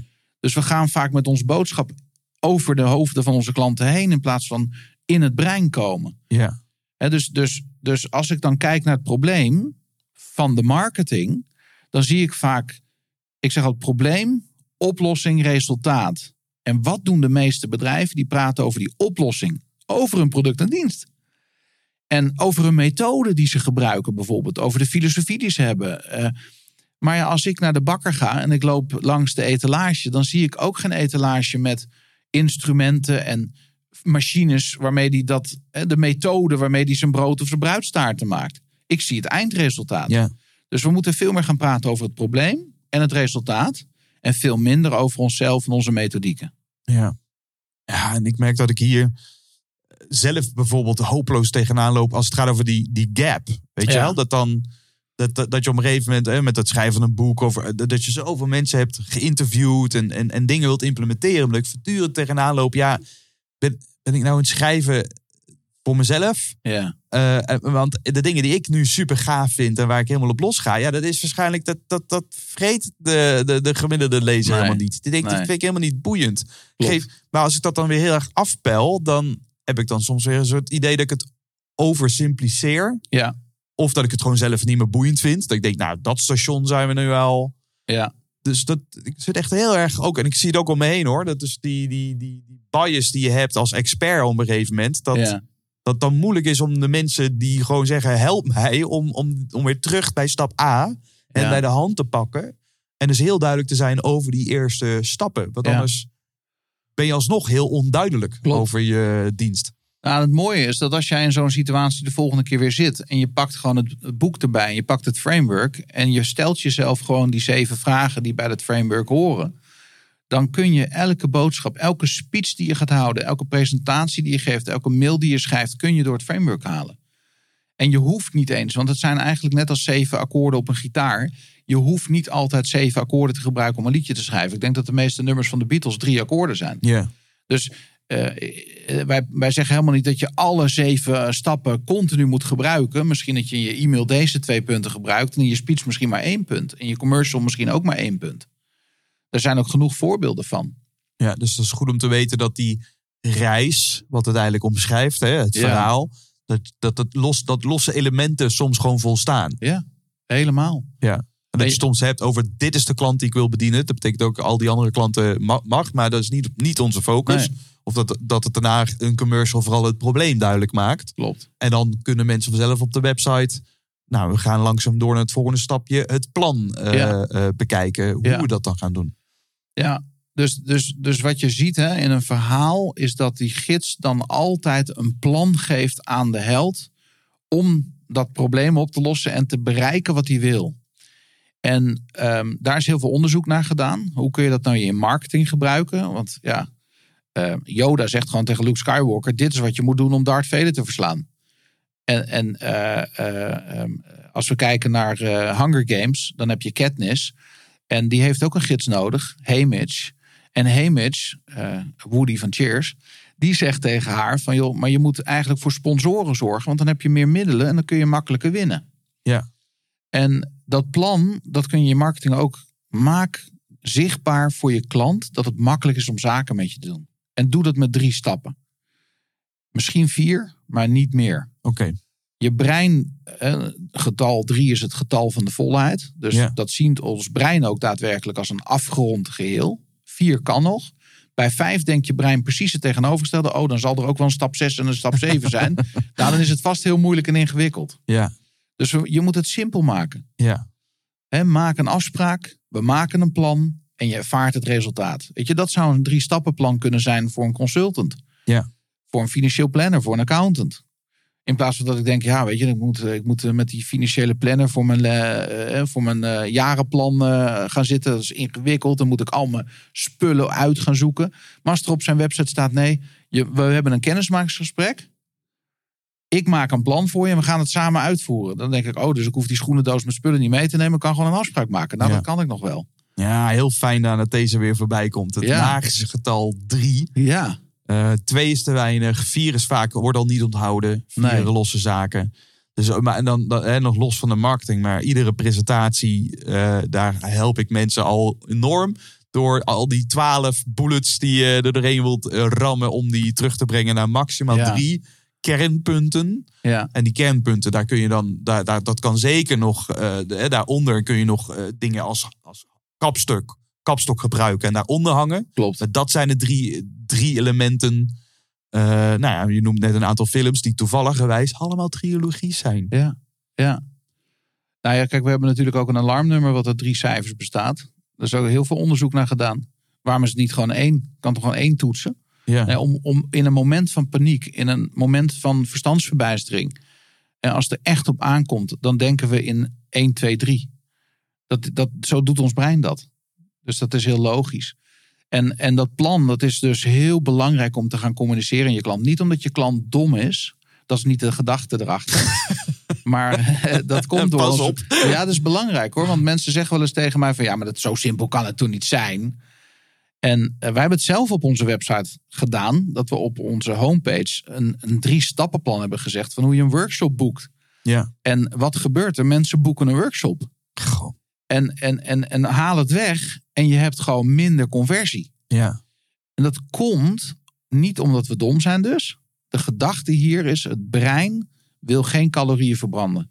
Maak het alsjeblieft duidelijk. Laat mij niet nadenken en zweten over iets wat makkelijk hoeft Ja. voor te zijn. Dus je ziet hier weer heel belangrijk die toevoeging daarvan. Daar waar sommige eh, mensen heel goed zijn in de held omschrijven.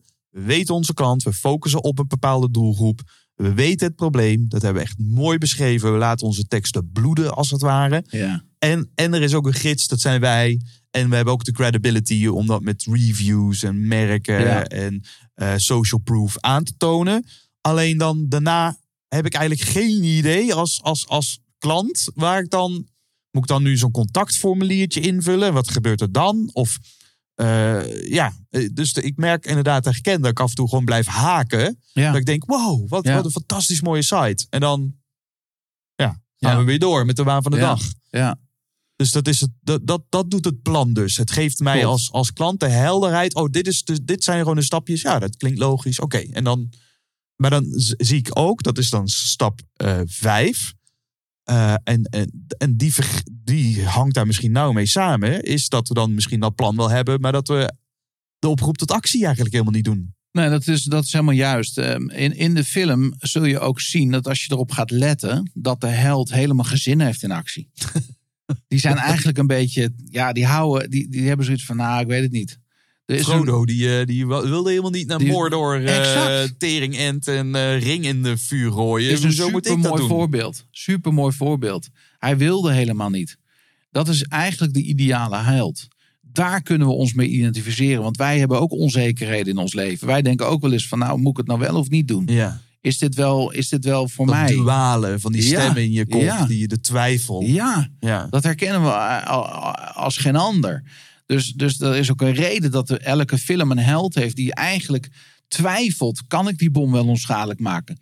Gaat dat meisje mijn, mijn, hè, van, de, van de high school, gaat die wel met mij trouwen? ja. Kan ik die marathon wel uitlopen? Ga ik die oorlog wel winnen? Dat zie je dan ook vaak, hè? Dat, ze, dat ze een eerste aanzet doen. En dan mislukt dan helemaal. Ja. Dan zie je, ja, zie je wel, ik zei het toch. En, eh, werk, dat gaat nooit lukken. En dan Ja. het rock bottom moment. Dus Ja.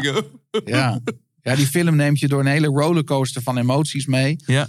En dan kom je in het Storybrand Framework dus bij die vijfde stap. En dat is die call to action. De oproep tot actie. De gids roept de held op tot actie. En in je marketing kan je dat ook doen. En sterker moet je dat doen. Want zonder die call to action doe je geen zaken. En er zijn twee verschillende call to actions. Je hebt een directe. Bijvoorbeeld bestel nu, koop nu, maak een afspraak. Dat soort eh, call to actions. ja. En je hebt transitionele call to actions. Misschien wel het meest onderschatte instrument in marketingland. De transitionele call to action heet zo omdat hij je brengt van de transitie van het brengt je in de relatie weer een stapje dichterbij jouw merk. Ja. En dat gaat ook met de snelheid van relaties. En toen ik mijn, huwelijk, mijn vrouw ten huwelijk vroeg, ja, dat was niet op de eerste date. dat had wel gekund. Had ze nee ja, gezegd? dat- dat- dat- Misschien. kans is klein. Ja. Dus, dus er zit ook. We weten in de marketing dat niet iedereen meteen op die knop drukt en koopt. Ja. Dat is maar een klein percentage. Dus die call to action, je moet voorzichtig zijn. Zeker, kijk, als, als het gaat over eh, eh, L'Oreal, een shampootje. Eh, maar, maar ik denk dat de gemiddelde luisteraar die luistert, dienst of producten heeft die toch iets verder en duurder zijn dan een snicker. Ja. Ja, dan, dan moet je jezelf afvragen of je dan die call to action al meteen moet richten op, op het daadwerkelijke product. Ja, ehm, Of bedoel je dat niet zo? nou, ik zou dat wel doen. In 9 van de 10 gevallen. Kijk, wij hebben ook ehm, eh, eh, private workshops. Eh, die boeken mensen bij ons niet online. En toch heb ik een, ho- een, een homepage waar dat op staat en zegt boek een workshop. ah ja. En dat gebeurt één tot vijf keer per week. Hè, dus zeg maar gemiddeld hebben we één tot vijf bedrijven per week die een private workshop formulier invullen. Ja. Maar er zit altijd een contactmoment aan vast. ja, precies. Hè, wat willen jullie precies? Wat heb je nodig? Et cetera. Ehm, maar die heldere directe call to action zorgt ook dat je vertrouwen uitstraalt. Hè? Blijkbaar doen meer mensen dat. Blijkbaar kopen meer mensen dit. En het plant ook iets in het brein van je klant van hé, maar dat is wat ik van jou verwacht. Nu we weten dat niet iedereen dat doet, willen we die transitionele call to action van eh, volg het webinar, download eh, de PDF. Eh, er zijn download deze, deze video, volg deze videoserie. Eh, je zou nog kunnen zeggen dat eh, ehm, een- een kennismakingsgesprek in zekere zin een transitionele call Ja. to action is, al, alhoewel ik hem al vrij direct vind. Ja, Maar die twee soorten zijn belangrijk. Dat haakje als het ware, wat je ook in, de, in ja, zeker in, eh, daar ben je expert in, in eh, online marketing. Eh, De, de, de funnels, Ja. eh, daar begin je met, met, met, met, met, met het verzamelen van de e-mailadressen. Of in ieder geval de vraag, ik geef jou waarde nu. Ja, Door middel online training, een e-book, een wat dat ook gaat zijn. Maar dat moet dan ook wel daadwerkelijk waardevol zijn. ja, Eh, maar dat is gewoon een eerste kennismaking Ja. met ons. ja. Maar tegelijkertijd, doordat je die waarde geeft, heb je wel een, een is het koude contact al een heel klein beetje minder koud geworden. Ja. En we gebruiken nu het voorbeeld online, maar je hebt natuurlijk op alle gebieden call to actions. Hoe sluit jij je verkoopgesprek af? Ja. Ehm, eh, wat doe je na een eerste kennismaking? Of wat zeg je als je op het podium staat? Hoe sluit je dat af? Ja. En laat je dat vaag of maak je het helder? Ja. Het is heel belangrijk dat we helder zijn. En ik heb ook wel eens discussies hoor, met bedrijven die zeggen tegen mij: Ja, maar Daan, niemand gaat bij ons online kopen. Nee, dat blijft ook zo als je het zo blijft doen. Je moet echt call to actions hebben. ja. Hoe, hoe, hoe begeleid jij ondernemers, Daan, die, eh, die moeite hebben met die schakel? Ik, maak, ik merk dat heel veel ondernemers eh, eh, heel erg in een passie zitten wanneer dat ze praten over het probleem of het product of de oplossing. Maar dan ineens, weet je wel, zo aan het einde van een keynote, dan denken ze, kut, weet je wel, ik moet die call to action nog ergens kwijt. Ja, ja. En dan wordt het of soort van weggemoffeld. Dat Klopt. je soort laatste slide hebt. Nou, kijk hier ook linken op LinkedIn ja, misschien. ja, ja. Eh, dus dan wordt het dan is, het- dan is het niet heel powerful. Ja. Of je denkt ineens... Ah, nu komen we in een sales pitch. En eh, ja, een speciaal voor jullie. Alleen vandaag. Eh, en dan denk je ook weer, ja, zeker in Nederland. Weet je, in Amerika doen ze dat zo met verven. Dat je Ja. er nog gewoon in mee wil ook. Maar je ziet Ja. hier in Nederland dat dan mensen, mensen staan gewoon op. Weet je wel. Oké, dit is voor mij een moment om gewoon koffie te gaan halen. En Ja. naar mijn eigen gezeik te luisteren op het toilet. Nou ja, de vraag is of je die call to action überhaupt aan het eind van je speech moet doen of niet eh, veel eerder. Dat is natuurlijk een hele interessante. Ja. Eh, zeker op een podium en ook in een webinar en ook in je mail. En Dus als je het helemaal op het einde doet, jouw inziens, ben je misschien te laat. Ja, soms zou dat wel eens zo kunnen zijn. Ehm, ik denk dat we ook te weinig creativiteit soms gebruiken om goed na te denken over de call to action. Ik denk dat het ook belangrijk is dat je denkt van ja, maar bij deze groep wat wil ik eigenlijk van ze? In plaats van dat je gewoon je riedeltje afdraait. Ja. Dat voelen mensen. Maar ik- de, de, de vraag die ik hoor. Kijk, toen ik Lis ten huwelijk vroeg, dat was in een bootje op de grachten van Amsterdam. En eh, buiten had je, het is zo'n salonbootje, die hebben zo'n kajuit, of zeg maar een kajuit, maar die hebben ook een open gedeelte achter. Ja. En ik had mijn, eh, mijn bos rozen, die stonden, die waren van tevoren bezorgd, die stonden op dat toilet van het bootje. Dus ik pak die rozen en ik heb die ring. Ja. En ik ga op mijn knieën en ik vraag gewoon: wil je met me trouwen? En natuurlijk doe je dat op een moment dat je verwacht dat ze ja gaat zeggen. Laat ik daar helder over zijn. Hè, eh, je hoeft eh, niet eh, aan zelfkastijding te gaan doen, eh, zeg maar. Maar ik, zakelijk gezien heb ik wel eens het gevoel dat mensen hun klant ten huwelijk vragen met: eh, Lieve eh, Glenn, zou jij alsjeblieft, Wellicht. Misschien, Ooit. ja, het hoeft niet hoor. Nee, ja, als, als Maar- het niet uitkomt nu, dan kan Ja. ook een ander moment. Ja. Maar zal ik, zal ik het morgen nog een keer vragen? Ja, precies. Ga door. Ja. En, en, en, en die onzekerheid, die angst voor afwijzing, of wat het ook is, die weerhoudt ons van die duidelijkheid. En duidelijkheid wint altijd. Ja. En, en, en daarom moeten we eh, iets aan onze klanten geven wat ze kunnen accepteren of wat ze kunnen afwijzen. Hmm. Punt. Dus dan moet een keer, er moet een soort ja of nee komen Ja. uiteindelijk. Ja, wees, Daar waar we heel vaak, duidelijk. hoe kunnen we, hoe zouden dit, en het zijn hele mooie onderzoeksvragen, maar dan bij die call to action wil je daar eigenlijk vandaan blijven. Ja, waarom? Omdat als ik op die manier List een huwelijk had gevraagd, dan ehm, eh, had ze waarschijnlijk nee gezegd. Of, of, of misschien hè, omdat ze zo van me houdt dat ze denkt ik zal hem uit zijn lijden verlossen. maar, maar dit gaat er niet worden. Hè? Ja. Maar ehm, eh, ik denk dat wij, zeg maar, laat ik het zo zeggen. Als ik Liz op die manier ten huwelijk had gevraagd, dan was dat lang niet zo krachtig overgekomen. Eigenlijk communiceer je geen bescheidenheid. Je communiceert onzekerheid. En in onze marketing moeten we dat niet willen. Als je op dat podium staat om nog even naar jouw voorbeeld te gaan. en je komt bij die call to action. wees dan glashelder.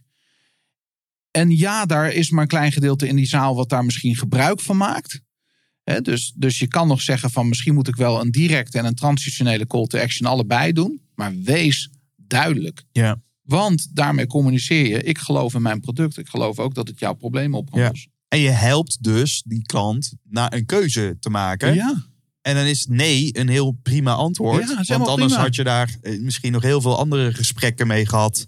Eh, al die kopjes koffie, man. En dan nogmaals, hè, eh, eh, ik herken dat heel erg in het ZZP-wereldje. ja. Ik ben heel blij geweest dat ik als jonge gup, toen ik net kwam kijken, met mensen kopjes koffie mocht drinken. En dan geen idee waar het naartoe ging. Maar ik vond het al vooral heel leerzaam en inspiratievol om met Ja. mensen te hangen. ja. Eh, maar, maar op een gegeven moment, ja, weet je, als het, het gaat, het- die dingen zijn bijna nooit ergens op Nee. uitgekomen. Nee. Zullen we misschien ooit een keer wellicht samen gaan werken? Maar er was geen plan. Er was geen duidelijke call to action. Terwijl de mensen in de lijn zeggen: Glenn, ik heb nou iets gaafs. Dit en dit en dit en dit. Hoe klinkt dat? Ja, En, dan, en dan denk ik: ah, maar dit is. Dan zeg ik of nee, want ik ben nu met andere dingen ge- bezig. Ja. Of ik zeg: wauw, wat toevallig. ja, Ik ben. Nee, nee, nee, nee. Nou, laten we gaan zitten en kijken hoe we dat gaan doen. ja. En het, ja, ik, ik roep dit nu en ik denk hoe logisch, maar ook weer hoe niet logisch. Ja, precies. Om het ook te doen. Ja, nou ja, d- d- ik ben blij dat je dat aangeeft. Kijk, als iemand tegen mij zegt, eh, vooral op LinkedIn, eh, krijg ik wel eens van dat soort berichten, dan word ik gelinkt. En dan komt die kop koffievraag. Ik zeg tegenwoordig van, maar waar wil je voor af? Wat is je doel? Ja. En, en ehm, eh, soms bel ik zelfs op. Van, hey, bedankt voor je uitnodiging, maar wat wil je precies? Ja. En ja, ik denk dat we iets voor elkaar kunnen betekenen. Ja, denk je dat je wat voor mij kan betekenen? Of dat ik wat voor jou kan betekenen? Nee, allebei. Ja, maar wat dan? Wat is dan je idee? Vertel het me gewoon. Ja. En ik denk in de praktijk, ook in ons dagelijks leven. Kijk, ehm, eh, hoe, hoe vraag je iemand een huwelijk nadat je al een tig keer op date bent geweest? Hè? Dus wil je met mij uit? Is een transitionele call to action. Ja. Wil je nog een keer wat doen, wat leuks doen? Versus wil je met me trouwen? En waarschijnlijk krijg je heel vaak nee. Maar er komt een keer een moment dat, dat je ja krijgt. Dus Ja. wees alsjeblieft helder. ja dus of, of je bent te waaghals en je vraagt heel vaak en dan krijg je heel vaak nee. Ja, Ja, of je bent een beetje de sukkel, dat, dat was ik op de dansvloer, eh, Daan, zal ik je eerlijk vertellen. ja. Ik, ik, ik durfde de call to action gewoon niet te maken. Omdat ik Nee. zo bang was voor een afwijzing. ja maar dat is ook Dat hartstikke ik, dat, spannend. dat ik dat heel erg bij die ander liet. Ja. Dat was zo erg dat Ja. in een vrijgezelle periode iemand met mij mee naar huis ging. Letterlijk. Oh, zullen we nog even. Oh, ik moet ook die kant op. Weet je wel, met de fiets in de hand terug naar de studentenkamer. Oh, zal ik anders nog even iets bij je komen drinken? Ja, Zo. ja. En dat, dat je gewoon naast elkaar in bed ligt. En dat ik nog steeds niet Nee. de call to action durfde te doen. Dat Ja. echt iemand even zich omdraaide. Zeg, ga je me nu nog neuken of wat? Ja, nee, dat, dat, dat, dat, dat hebben denk ik meer mensen. Oh man, dan denk ik echt van jezus man, wat ben ik daar wat, wat lastig. Hè? Maar dat is, dat is denk ik wel een reden. En sorry voor deze uitspraak. En ik zal ook heel eerlijk zeggen, de vrouw nuanceerde. eh, de, de, die zei niet, dat zou heel masculien zijn. Gaan we nu nog neuken of wat? Nee. Ze zei, je mag me nu wel gaan zoenen. Ja, ja. Daar was ik heel blij mee dat, dat die uitspraak. Oké, oké, nou daar gaan we dan. ja. Eh, maar het, is dus die, het gaat dus wel over de persoonlijke angst van een ondernemer. Ja, heel veel. En ik kan me dus voorstellen dat, misschien een, daarin een filosofische vraag. Wanneer ben je als ondernemer daadwerkelijk klaar om die gidsrol te pakken? Want laat ik eerlijk Hmm. zijn, heel veel mensen zitten gewoon nog zo in, midden in die eigen heldenreis. Ja, Dat ik dan denk, ja, je wilt al heel veel. Maar jongen, take it easy. ja. Blijf Ja. dan maar even nog in je eigen bubbel. In plaats van dat je heel hard gaat roeptoeteren. Terwijl dat je eigenlijk nog helemaal niet de credibility hebt om die wijsgeer te Ja. zijn. Ja. Veel ZZP'ers, veel starters, eh, die ehm, komen natuurlijk ook vaak met die vraag. Van hey, wat als ik nog niet zo lang ben, bezig ben, hoe kan ik die autoriteit aanbouwen? Wat als ik nog geen testimonials heb van klanten? Dat, dat maakt het ook lastiger. Ja. Eh, maar er moet een reden zijn dat je voor jezelf bent begonnen. Dus begin daar. Begin bij die reden. Begin bij wat jij hebt geleerd en, en, en, en eh, probeer dat concreet te maken. Ja. Kijk, als jij naar een eh, supermarkt gaat en je staat er met je boodschappenkar vol. eh, Het zou het ook heel raar zijn dat er geen kassa's staan. En dat je naar een medewerker moet lopen van de Albert Heijn en zegt: joh, hebben jullie geen kassa's meer? Jawel, maar die, die- dat, dat is om de hoek, achter de klantenservice. dat zou toch belachelijk zijn? Ja. En to- dat vinden we heel logisch bij de supermarkt. Maar waarom doen we dan zo moeilijk in het zakenverkeer? Ja. Dus he- helderheid, duidelijkheid wint altijd. En wij hebben als mantra bij Storybrand... If you confuse, you lose. Hmm. En dat is gewoon, hier, het gaat hier om duidelijkheid. En, en het gaat hier niet om clever zijn, om slim zijn. Dat, dat, dat, het gaat hier ook niet om, het moet allemaal grappig en leuk zijn. Dat leidt vaak alleen maar af van waar het echt om gaat. Ja. En dan kom je dus, als je die call to action hebt gehad. ja, dus we hebben de held. We hebben het probleem van de held. Jij bent de gids. Ja. Die gids heeft een plan. En die plan, nou, daar ben je duidelijk over. Het komt tot een oproep tot actie. Precies. Moeten wij praten met elkaar, ja of Ja. nee? Eh, nou, en dan eh, daar pakken we het op. Nummer zes. Ja, dat, dat, dat voorkomt mislukking. En dat leidt tot succes. Zeven. Ja, dat is zeven. Dus mislukking zes, succes zeven. Ik pak ze even allebei tegelijk. Want in de film, waarom hebben we een film? Waarom hebben we een verhaal? Zolang we voelen van, hé, hey, dit kan twee kanten op gaan, is er een spanningsboog. Ja. En eh, zelfs zo sterk in onze psyche, dat als we die film voor de tweede keer kijken, we nog steeds bij Rocky Voelen we weer. bij Rocky kunnen we weer denken van zou het nog lukken of niet? Ja. Ja. maar je weet al dat, dat hij gaat winnen, toch? Dus, dus dat is, het is zo'n sterke behoefte van de mens. Ja. En het is, dat laat weer zien dat we niet rationeel zijn. En dat laat weer zien dat we nog een reden hebben om dit toe te passen in onze marketing. Nou, die mislukking, dat is ook iets net als het probleem, waar we liever niet over lullen. Ehm, nou ben ik zeker geen voorstander van Amer- Amerikaanse tafereelen... Waar, waar een tandarts op zijn website zou mogen zetten van... hé, hey, als jij geen klant bij me wordt, vallen alle tanden uit je mond. Hè? Oké. In, Amerika heb je natuurlijk van die- dat soort... eh, ja, de billboards langs de weg. Ik ben je advocaat. Heb je een ongeluk gehad? Bel me. Ja, Better? Call Saul, weet je wel? Dat soort ja. eh, slogans. Ja, dus daar mag je natuurlijk die mislukking vanuit een cultuur heel sterk neerleggen. Maar mislukking is een universeel principe. Alleen je moet hem wel doseren. Ik zeg altijd, als je een brood gaat bakken, heb je meel nodig. Dat is het succes. En mislukking is het zout. Dus als ik een brood eet en er zit geen zout in, zal ik het absoluut merken. Als er te veel zout in zit, ga ik het nog meer merken. Dat is niet meer te eten. Ja. Dus marketing die alleen maar gaat over mislukking, dat willen we niet. Maar je mag best wel iets vertellen over van wat er op het spel staat. Ja. Want als er niets op het spel staat, waarom zou ik dan zaken met je doen? Ja. En waarom zou ik jou inhuren om mij te leren te spreken of op het podium beter? Ja, wat staat er op het spel? Dat ik de volgende keer weer bloednerveus ben. Ja. Dat ik de volgende keer misschien niet meer uit mijn woorden kom. Dat mijn boodschap niet uit drie punten, maar uit veertig punten bestaat en niemand, iedereen in slaap valt. Ja. Dat staat er op het spel. Dat is de mislukking. En ehm, in je marketing wil je daarover nadenken. Wat is de mislukking die jij je klant helpt voorkomen? Ja. En wat is het succes waar je klant naartoe leidt? En dan kom ik ook meteen bij het laatste punt. Kijk, dat succes is het allerbelangrijkste. Want dat is natuurlijk waar die klant naar, uiteindelijk naar op zoek is. Naar het succes.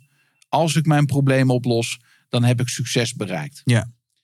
En dan kom ik bij het allerlaatste punt. Want we hebben nu die zeven stappen doorlopen. Mhm. Dat leidt tot de karaktertransformatie. De, de heldreis van naar. Ja. En denk daar eens goed over na, zou ik tegen de luisteraar willen zeggen. Voor jouw eigen merk, voor je eigen product en dienst. Welke transformatie kun jij beloven aan je klant? Dat als je bij mij klant wordt, is dit wat je wordt. Dus dat gaat dan veel meer over identiteit dan Ja. over Ja. wat je doet of kunt. En het hoeft maar één woord te zijn. Hè? Zoals? Van onzeker naar zeker. Hmm. Van, van, van, van futloos naar fit. Ja. Van, van eh, eh, een mislukking naar succes. Ja. En dat ga je niet zo zeggen in je marketing. Hè? Word klant, want je wordt hè, mislukking, je wordt echt tijd dat je klant wordt. Je, je communiceert dat niet op die manier. Maar, wel- als je dat besloten hebt, ga je anders spreken. ik, vind het, ik vind het super waardevol. En het, iets wat in mijn hoofd opkomt, ik weet niet of je het zo, zo gebruikt. Ik, ik voel haast ook dat we dit soms vergeten als iemand dan daadwerkelijk klant is geworden. Ja, Dus iemand bij die call to action zegt ja, ik wil. ja, En daarna gaan we, gaan we alsnog zeg maar, helemaal die materie in. ja.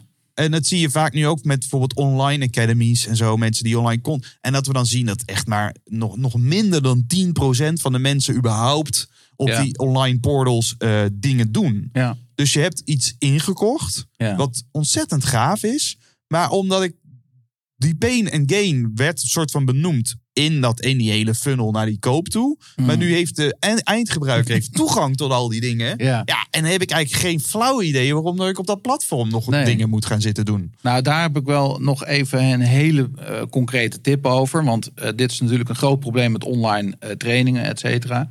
Mensen beginnen enthousiast. Waarom? Omdat ze een belofte hebben gehoord van transformatie en denken, ik koop. Ja. Maar daarna ze die gids nodig. Want ze zijn eigenlijk helemaal niet gewillig en bereid om te veranderen en om die stappen te maken. En dus, dus hoe bak je in je product je gidschool? Ja. En een van de dingen die je kunt doen als jij trainingen verkoopt, online trainingen, is ja, maak een, een geautomatiseerde mailcyclus met korte videootjes, waarin er even dat contacten weer is wat ze hadden aan het begin. Van hé, hey, ik weet hoe het is om nu door te zetten. Eh, hoe, en, en, en herhaal, ik had laatst een mail. eh, wij hebben zo'n mailcyclus bij onze online training van Storybrand. Ja. En in een van die mails zeg ik: Ben je achterop geraakt? Ben je niet zo ver als dat je zou willen zijn? Dat gebeurt ons allemaal, want eh, life happens. Dit zijn de drie stappen die je kunt nemen, plan, om weer back on track te komen. Pak nu je agenda en blok tijd deze week dat je eraan gaat werken. Nou, en ik weet even niet meer uit mijn hoofd hoe mijn drie stappen plannetje eruit ziet, maar, Ja. Maar in ieder geval, je geeft me, dus die reis die continueert zich als het ware Ja, daarna. En die, en, 100%. en die doe je dus misschien een aantal keer Ja, in die volledige klantenreis. In plaats van, oh, we hebben de marketing nu op orde en dan, dan forget about it. ja. Ja, ik dat- ging een keer met een directeur van een machinebedrijf naar Duitsland. Een ronde maken langs klanten. En wat zagen we? Ze kopen een machine van 10, 15.000 euro. Maar er zat niet bij wat het stappenplan was wat ze daar moesten doen. Dat was voor hun zo logisch dat ze er niet over nadachten. Toen, ze, toen hij die feedback kreeg, dacht, schaamde hij de ogen uit zijn kop. Tja. Van, van hoe simpel kan het als ik gewoon zeg van joh. Sterker nog, als iemand hem af heeft gerekend, kun je al de mail sturen en zeggen: dan en dan wordt je machine geregeld, ge- bezorgd. En stap 1, pak hem uit. Stap 2, volg de instructies. stap 3, en je zult je verbazen hoe fijn dat mensen dat vinden. Want anders moeten ze zoeken. Ja. Ik zit ook te denken aan IKEA way of things. Weet je wel? Ja. We kunnen vinden van IKEA wat, wat we vinden. Maar het is in ieder geval super simpel. Ja, Wordt duidelijk gemaakt wat we te doen hebben. ja, En dat we dan daarna boos worden dat dat ene kloofde dingetje er niet bij zit. Ja. Dat, dat is, ja. dat Maandagochtendproduct. Ja. Oh, wauw. Wat, wat een hoop content, Daan. Ja, Wat gaaf. Ik kan me heel goed voorstellen dat jij eh, zo, zo blij als een konijn in dat vliegtuig zat. ja, Eh, en, en, en wat ik zo gaaf vind, is dat dus eigenlijk wat we nu besproken hebben, is een derde van het boek. Ja. En, en de andere twee delen gaan over die implementatie. ja, klopt. En dat vind ik zo, zo gaaf. Dat het, dat ik, ik, ik las, ik zal je ook eerlijk zeggen, hè, met de twaalf stappen naar de held en zo. Dus dan, Ja, ja, dan ja. dacht ik van, ja, oké, het is gewoon een mooie reframe, maar niet vernieuwend. Nee, Maar daarna komt, komen die implementatiestappen. En die zijn zo concreet ja, dat ik, eh, ja, als je dit luistert en je bent, je bent er nog steeds en je vindt dit gaaf, dan, eh, dan, dan koop dit boek. Dan heb je eigenlijk alle kennis al voorhanden. zeker weten. Eh, dus dan ben je in een paar, eh, paar tientjes ben je klaar. Ja, Nou ja, en als je daarna nog meer hulp wilt van nou, de, de gids, dan, eh, dan kunnen mensen checken op storybrand.nl. ja, klopt. Is dat de manier om, ja, eh, om jullie te vinden? storybrand.nl, perfect. Ja, Top. daar vind je alles. Maak een connectie aan met Daan. Ja. Eh, dat, dat kan ook gewoon. Hè? Zeker, Eh, op LinkedIn ben je actief. absoluut. En, en wat gaaf is, is als je dit luistert, dan kun je een paar boeken winnen. Ja. Je, je hebt een aantal boeken meegenomen, Ja. waarvoor dank. Ja, dus ik maak altijd een post op LinkedIn. Als je daar even naartoe gaat en, en, en iemand tagt. Ja, Kan in je eigen bedrijf zijn of, eh, of een collega. Maar als je zegt van joh, iemand die dit nodig moet hebben. ja, eh, en je mag ook iemand anders zo gek krijgen om jou zelf te taggen. Maar je mag niet jezelf taggen. nee, precies. Maar tag iemand. En dan eh, zoeken wij wel een paar mensen uit die dat boekje Ja, wees de krijgen. gids voor iemand anders. De wees de, ja, dat vind ik mooi. Wees de gids voor iemand anders. Ja. Ja. Daan, misschien tot slot de vraag. Wat, wat, heb jij, wat ben jij zelf anders gaan doen sinds dat je dit, deze methodiek Ja. implementeert? Ja, ik, ik- denk een aantal dingen, maar ik zal er eentje kiezen. Wij, wij zijn eh, ons bewust geworden van het feit dat we de gids zijn en niet de held. Ik zal je een voorbeeld geven. Ik Mhm. weet nog dat ik gecertificeerd werd in Nashville. En ik vloog terug en ik moest meteen, eh, dat was qua timing helemaal ruk. Maar ik stap het vliegtuig uit en ik moest meteen een presentatie geven. Aan de andere kant van het land. Ja. Ehm, en ik heb die presentatie in het vliegtuig helemaal verbouwd. Ehm,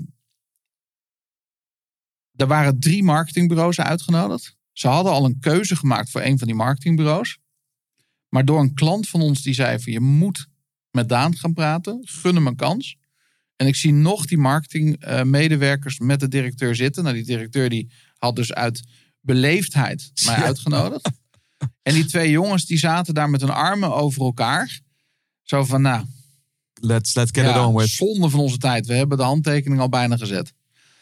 En ik geef die presentatie. En in die presentatie ga je normaal gesproken, ik weet niet of jij dat ook kent, ga je vertellen, ja, we bestaan zoveel jaar, we hebben zoveel medewerkers en dit is ons pand en we hebben deze klanten en we hebben dit al gedaan.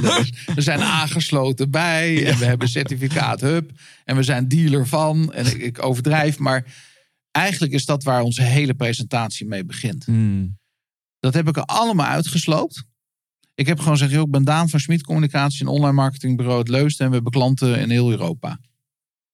En, en, Punt. En, en, ja, en, En door. we bereiken daar heel veel hele mooie resultaten voor. Ja. En toen ben ik meteen begonnen over wat ik zag bij hun, wat het doel was. Dus wat willen ze bereiken? Mhm. De held die het doel heeft. En toen ben ik de hele riedel langs gegaan van Storybrand, wat ik net heb zitten uitleggen. Ja. Ik heb daar mijn presentatie op gestoeld. Aan het eind van de rit zegt die directeur, dus een uurtje verder waren we. Wauw. Hij zegt, dit is precies wat we nodig hebben. Hij zegt maar, ja, ik ga even overleggen met mijn team en je hoort het wel. Ja. Hij overlegt met zijn team en belt me een dag later op en we hebben een deal. Ik weet ook nog dat Donald Miller aan me vroeg hoe lang duurde het voordat je je investering had terugverdiend. Ik zeg nou een dag. en toen lachte hij me uit. Want hij daar geloofde hij niet. Nee. We, we moesten samen spreken in, in Houston. En, en, en eh, na, daarna hadden we, of daarvoor hadden we een diner. En toen vroeg, stelde hij die vraag. Ja, hij zegt, mijn, mijn mensen, mijn team wil altijd weten hoe lang het duurt om het terug te verdienen. Ik zeg, nou een dag. En eh, ik, ik geloof dat we. Ik heb 10.000 dollar betaald om gecertificeerd te worden. En natuurlijk nog je ticket en je reis en eh, alles erop Ja. en eraan. Dit was een deal van 140.000 euro. Dus het is inderdaad letterlijk in een dag gebeurd. En ik gun dit iedereen. Dit is echt zo krachtig. Het werkt gewoon. Dus dat zijn wij anders gaan doen. Omdat je het waard bent. Omdat je het waard bent. Oh ja. Ja. Daan, we gaan naar eh, de ontspotvragen. Ja. Dat zijn de laatste vragen die ik mijn gasten altijd stel. Ja. Stel ik iedere gast. Eh, je mag kort en krachtig antwoorden. Is goed. En alles is goed. Alright. Wat is een boek wat je enorm heeft geïnspireerd? Of wat je misschien het meest cadeau hebt gegeven aan anderen? Eh, think and Grow Rich. Napoleon Hill. Ja. Nou, genoteerd. Wat is een mythe over marketing waar we echt vanaf moeten? Eh, de mythe in marketing is. ehm, ja. Oeh. Ik heb een paar dingen opgeschreven. Een voorbereiding waar ik helemaal niet meer naar gekeken heb. Ehm, ja, een mythe. Ik weet niet of het een mythe is. Maar ik zou zeggen van eh, we moeten veel meer van buiten naar binnen denken. Wat bedoel je daarmee? Nou, ik bedoel eigenlijk te zeggen van eh, de mythe is eh, misschien wel dat we altijd denken dat we weten hoe onze klant denkt en wat hij nodig heeft. Maar ga het ze vragen alsjeblieft. Ja. Doe eens wat onderzoek. Ga eens een interview doen. Ja, ja. ja, echt. En, en, en wellicht, en die, die nogmaals zelf onderstreept, we zijn geen rationele wezens. Nee, nee, eens. Dat is Ja, wel misschien is dat- mythe. Die, Laten we die pakken. Die vind Ja? ik heel mooi. Ja, zijn- En jij noemde dat heel mooi. We zijn een emotionele mensen met een rationeel. ja we zijn geen, eh, laat ik beginnen met wat we niet zijn. We zijn geen rationele wezens met een emotionele ervaring. Maar we zijn emotionele wezens met een rationele ervaring. Dat noemen we bewustzijn. Ja, En daar, daar zit die virale machine die van Ja. alles bedenkt. Mooi. ja. Ehm, je mag een eh, uithangbord plaatsen, Daan, waar miljoenen mensen langs zullen komen. Wat plaats jij op dat uithangbord? Ehm, hm. Ik zou, ik zou ons mantra neerzetten. If you confuse, you lose. Hmm. En dan, dat, ik denk dat triggert genoeg om de- daaronder gewoon de URL van je website te zetten. top, top. Ja. Stel je voor dat angst geen rol meer speelt in je leven. Wat voor keuze zou je dan maken? Nou, ik denk dat, ehm, dat, dat, een, dat is een hele mooie vraag. En ik moet zeggen dat die eh, me ook raakt. Omdat ik geloof dat we allemaal belemmerende overtuigingen hebben... die we langzaamst elke dag eh, wat mee afrekenen. Ja. Ja, een stuk vrijmoediger zijn. Hmm. Gewoon, we laten ons veel te vaak hinderen. Ik zit nu net in een fase waarin ik een aantal keuzes eh, aan het maken ben. Eh, die heb ik de wereld ingeslingerd. Ik denk, daar kan ik niet meer terug. Ik denk, zet het gewoon op internet. Eén van die keuzes was, ik heb vier vacatures. Mhm. Ik heb er overigens al twee gevuld. Oké. En eh, toen ik die vacatures plaatste, dacht ik, hoe ga ik dat in hemelsnaam betalen? Hè? ja, want het kost geld. Ja, Maar ik denk, nee, de visie is groter dan de kosten. oké. Eh, als je plannen maakt, moet je niet naar je bankrekening kijken. Want dan maak je altijd de verkeerde keuzes. Hmm. Je moet gewoon gaan. En dan, dan komen de dingen op je pad. En die voorziening is daarna. Dat komt daarna. Dat komt niet daarvoor. Ja, dus het geld is een gevolg van die visie en de uitrol daarvan. Altijd. Ja. Altijd. Het geld rolt naar de mensen die de plannen maken. Ja. Mooi. Dat, dat, is, dat geloof ik. Wie is voor jou persoonlijk een idool of inspiratiebron? Ja, ik, ik, ik, ehm, heel veel mensen. Ik kan van iedereen wat leren. Dat, dat, dat, dat eh, zeker. Voor mij is mijn overgrootvader misschien ook wel een hele belangrijke inspirator. Hij, hij leeft niet meer. Hij heeft mij nog net in zijn handen gehouden toen ik, voordat hij overleed. Maar hij was de oprichter van de Lubro. En dat staat voor Luxe Brood, Lubro. Oké, En dat was de grootste bakkerij van Nederland. oké. Met 1200 medewerkers. Het pand is industrieel erfgoed, staat nog steeds in Utrecht. zijn nu eh, huizen geworden, eh, appartementen. Ja. Maar hij heeft gewoon een bedrijf gebouwd. Hij was het eerste bedrijf in Nederland met een pensioenfonds. Hij was het eerste bedrijf in Nederland met eh, eh, vakantiewoningen voor personeel op de Veluwe, waar ze vanuit de stad naartoe konden. Ja. Echt een sociaal bewuste ondernemer. En als ik zijn verhalen lees, ik heb nog heel veel brieven van hem. Ja, dat inspireert me mateloos. Ja, Mooi zeg. ja. Mooi, er zou nog een hele podcast over kunnen ja vullen dat ze zouden echt- ik ben er nu een boek over aan het schrijven. Echt waar? Ja, ja. Oh, dus het, het, Ja, het is echt bijna af. Het gaat, het gaat, Ja. het gaat eraan komen, Ja. dat, dat mooie verhaal. ja, Kijk er naar uit. ja, dat is echt heel cool. Je mag een nummer in de over spreken gesproken jukebox stoppen. Ik vraag bijvoorbeeld sprekers een anthem die ze graag luisteren voor of na het spreken. Ja. Nou, wellicht heb jij, eh, welk nummer voeg jij toe? Oh, wauw. Ehm, ik heb een playlist als ik ga mountainbiken. Ja. Dat, dat, zit helemaal vol met alle, allemaal sportnummers. Eh, maar ik vind eh, een paar nummers van de Rocky, van Rocky eh, films. Ik weet alleen nooit meer hoe ze heten. Maar het is absoluut een van de bekende Rocky-nummers. Is dat dat Anthem? Ja, nee, er is nog één van die. Ehm, is het niet In The Burning Heart? We zoeken, hem- ja, hem dadelijk ik even op. dat hem is. En dan, eh, en dan eh, Echt zo'n lekker nummer. die, die gaat, dat is jouw pombab dan. Ja, joh. Ja, dan ga je hard. Ja, ja. Dat luistert voor een webinar Ja, dan of ga ik zo. gewoon door de verzuring heen. ja. Lekker, top. Voegen we die toe. De laatste vraag is de college toevraag. Eh wat zou jij een beginnend spreker, informeel of formeel, als, als advies willen meegeven? Wat is een mooie eerste stap? Ehm, ik vind, als je spreekt in het openbaar, dat je een enorme verantwoordelijkheid hebt voor de mensen die in de zaal zitten. Dus ik zeg, bereid je absoluut ongelooflijk goed voor. Of, dat kan ook, is eh, zorg dat je super geïnspireerd bent. Dat klinkt misschien een beetje gek, maar ehm, als je, vooral als je begint met spreken, ik vind dat het heel belangrijk is dat je echt helemaal verplaatst in het publiek. Die mensen komen naar jou luisteren. Ja. Verspil hun tijd alsjeblieft niet. Ja, Zorg dat die gasten naar buiten gaan en dat ze echt helemaal denken: wauw, bedankt. ja. Ik vind het wel mooi dat je zegt, en of wees heel erg geïnspireerd. Want als jij dat bent, straalt dat natuurlijk af op het publiek. Ja, Ik herken, ik herken namelijk iets van mezelf toen ik net kwam kijken. En ik heel onzeker was over wat kom ik hier nou zeggen. Weet je wel? Ja. Met allemaal mensen die mijn ouders hadden kunnen zijn. ja, Maar ik was in ieder geval wel heel erg vol ja, van, van dat wat ik kwam delen. ja, super. En dat, en dat komt dan over. Dan, Ja. komt dan er zit daar dan denk ik, oh, er zit een integriteit. Er zit, Ja. een, er zit een enorme energie. En dat is aanstekelijk. Ja, ja. En waarom ik het zo zeg is dat soms heb je geen tijd om je voor te bereiden. Maar als jij geïnspireerd leeft, ben je altijd klaar om op het podium te staan. Dan kan iedereen altijd een microfoon in je hand drukken. En kan je altijd eh, er zijn voor andere mensen. Want dat is wat je doet als je gaaf hebt om te spreken. Dus ja, je moet gewoon eigenlijk altijd klaarstaan om op een podium te staan. Ja. En ga eens op zoek dan wat die Ja. inspiratie Ja. die ook voor jou is. Ja, Daan, dankjewel voor dit gesprek. ja dankjewel. Jij, jij bedankt voor de uitnodiging. Superleuk. Zo Roeland, het was anderhalf uur lullen met Glenn Vergoos.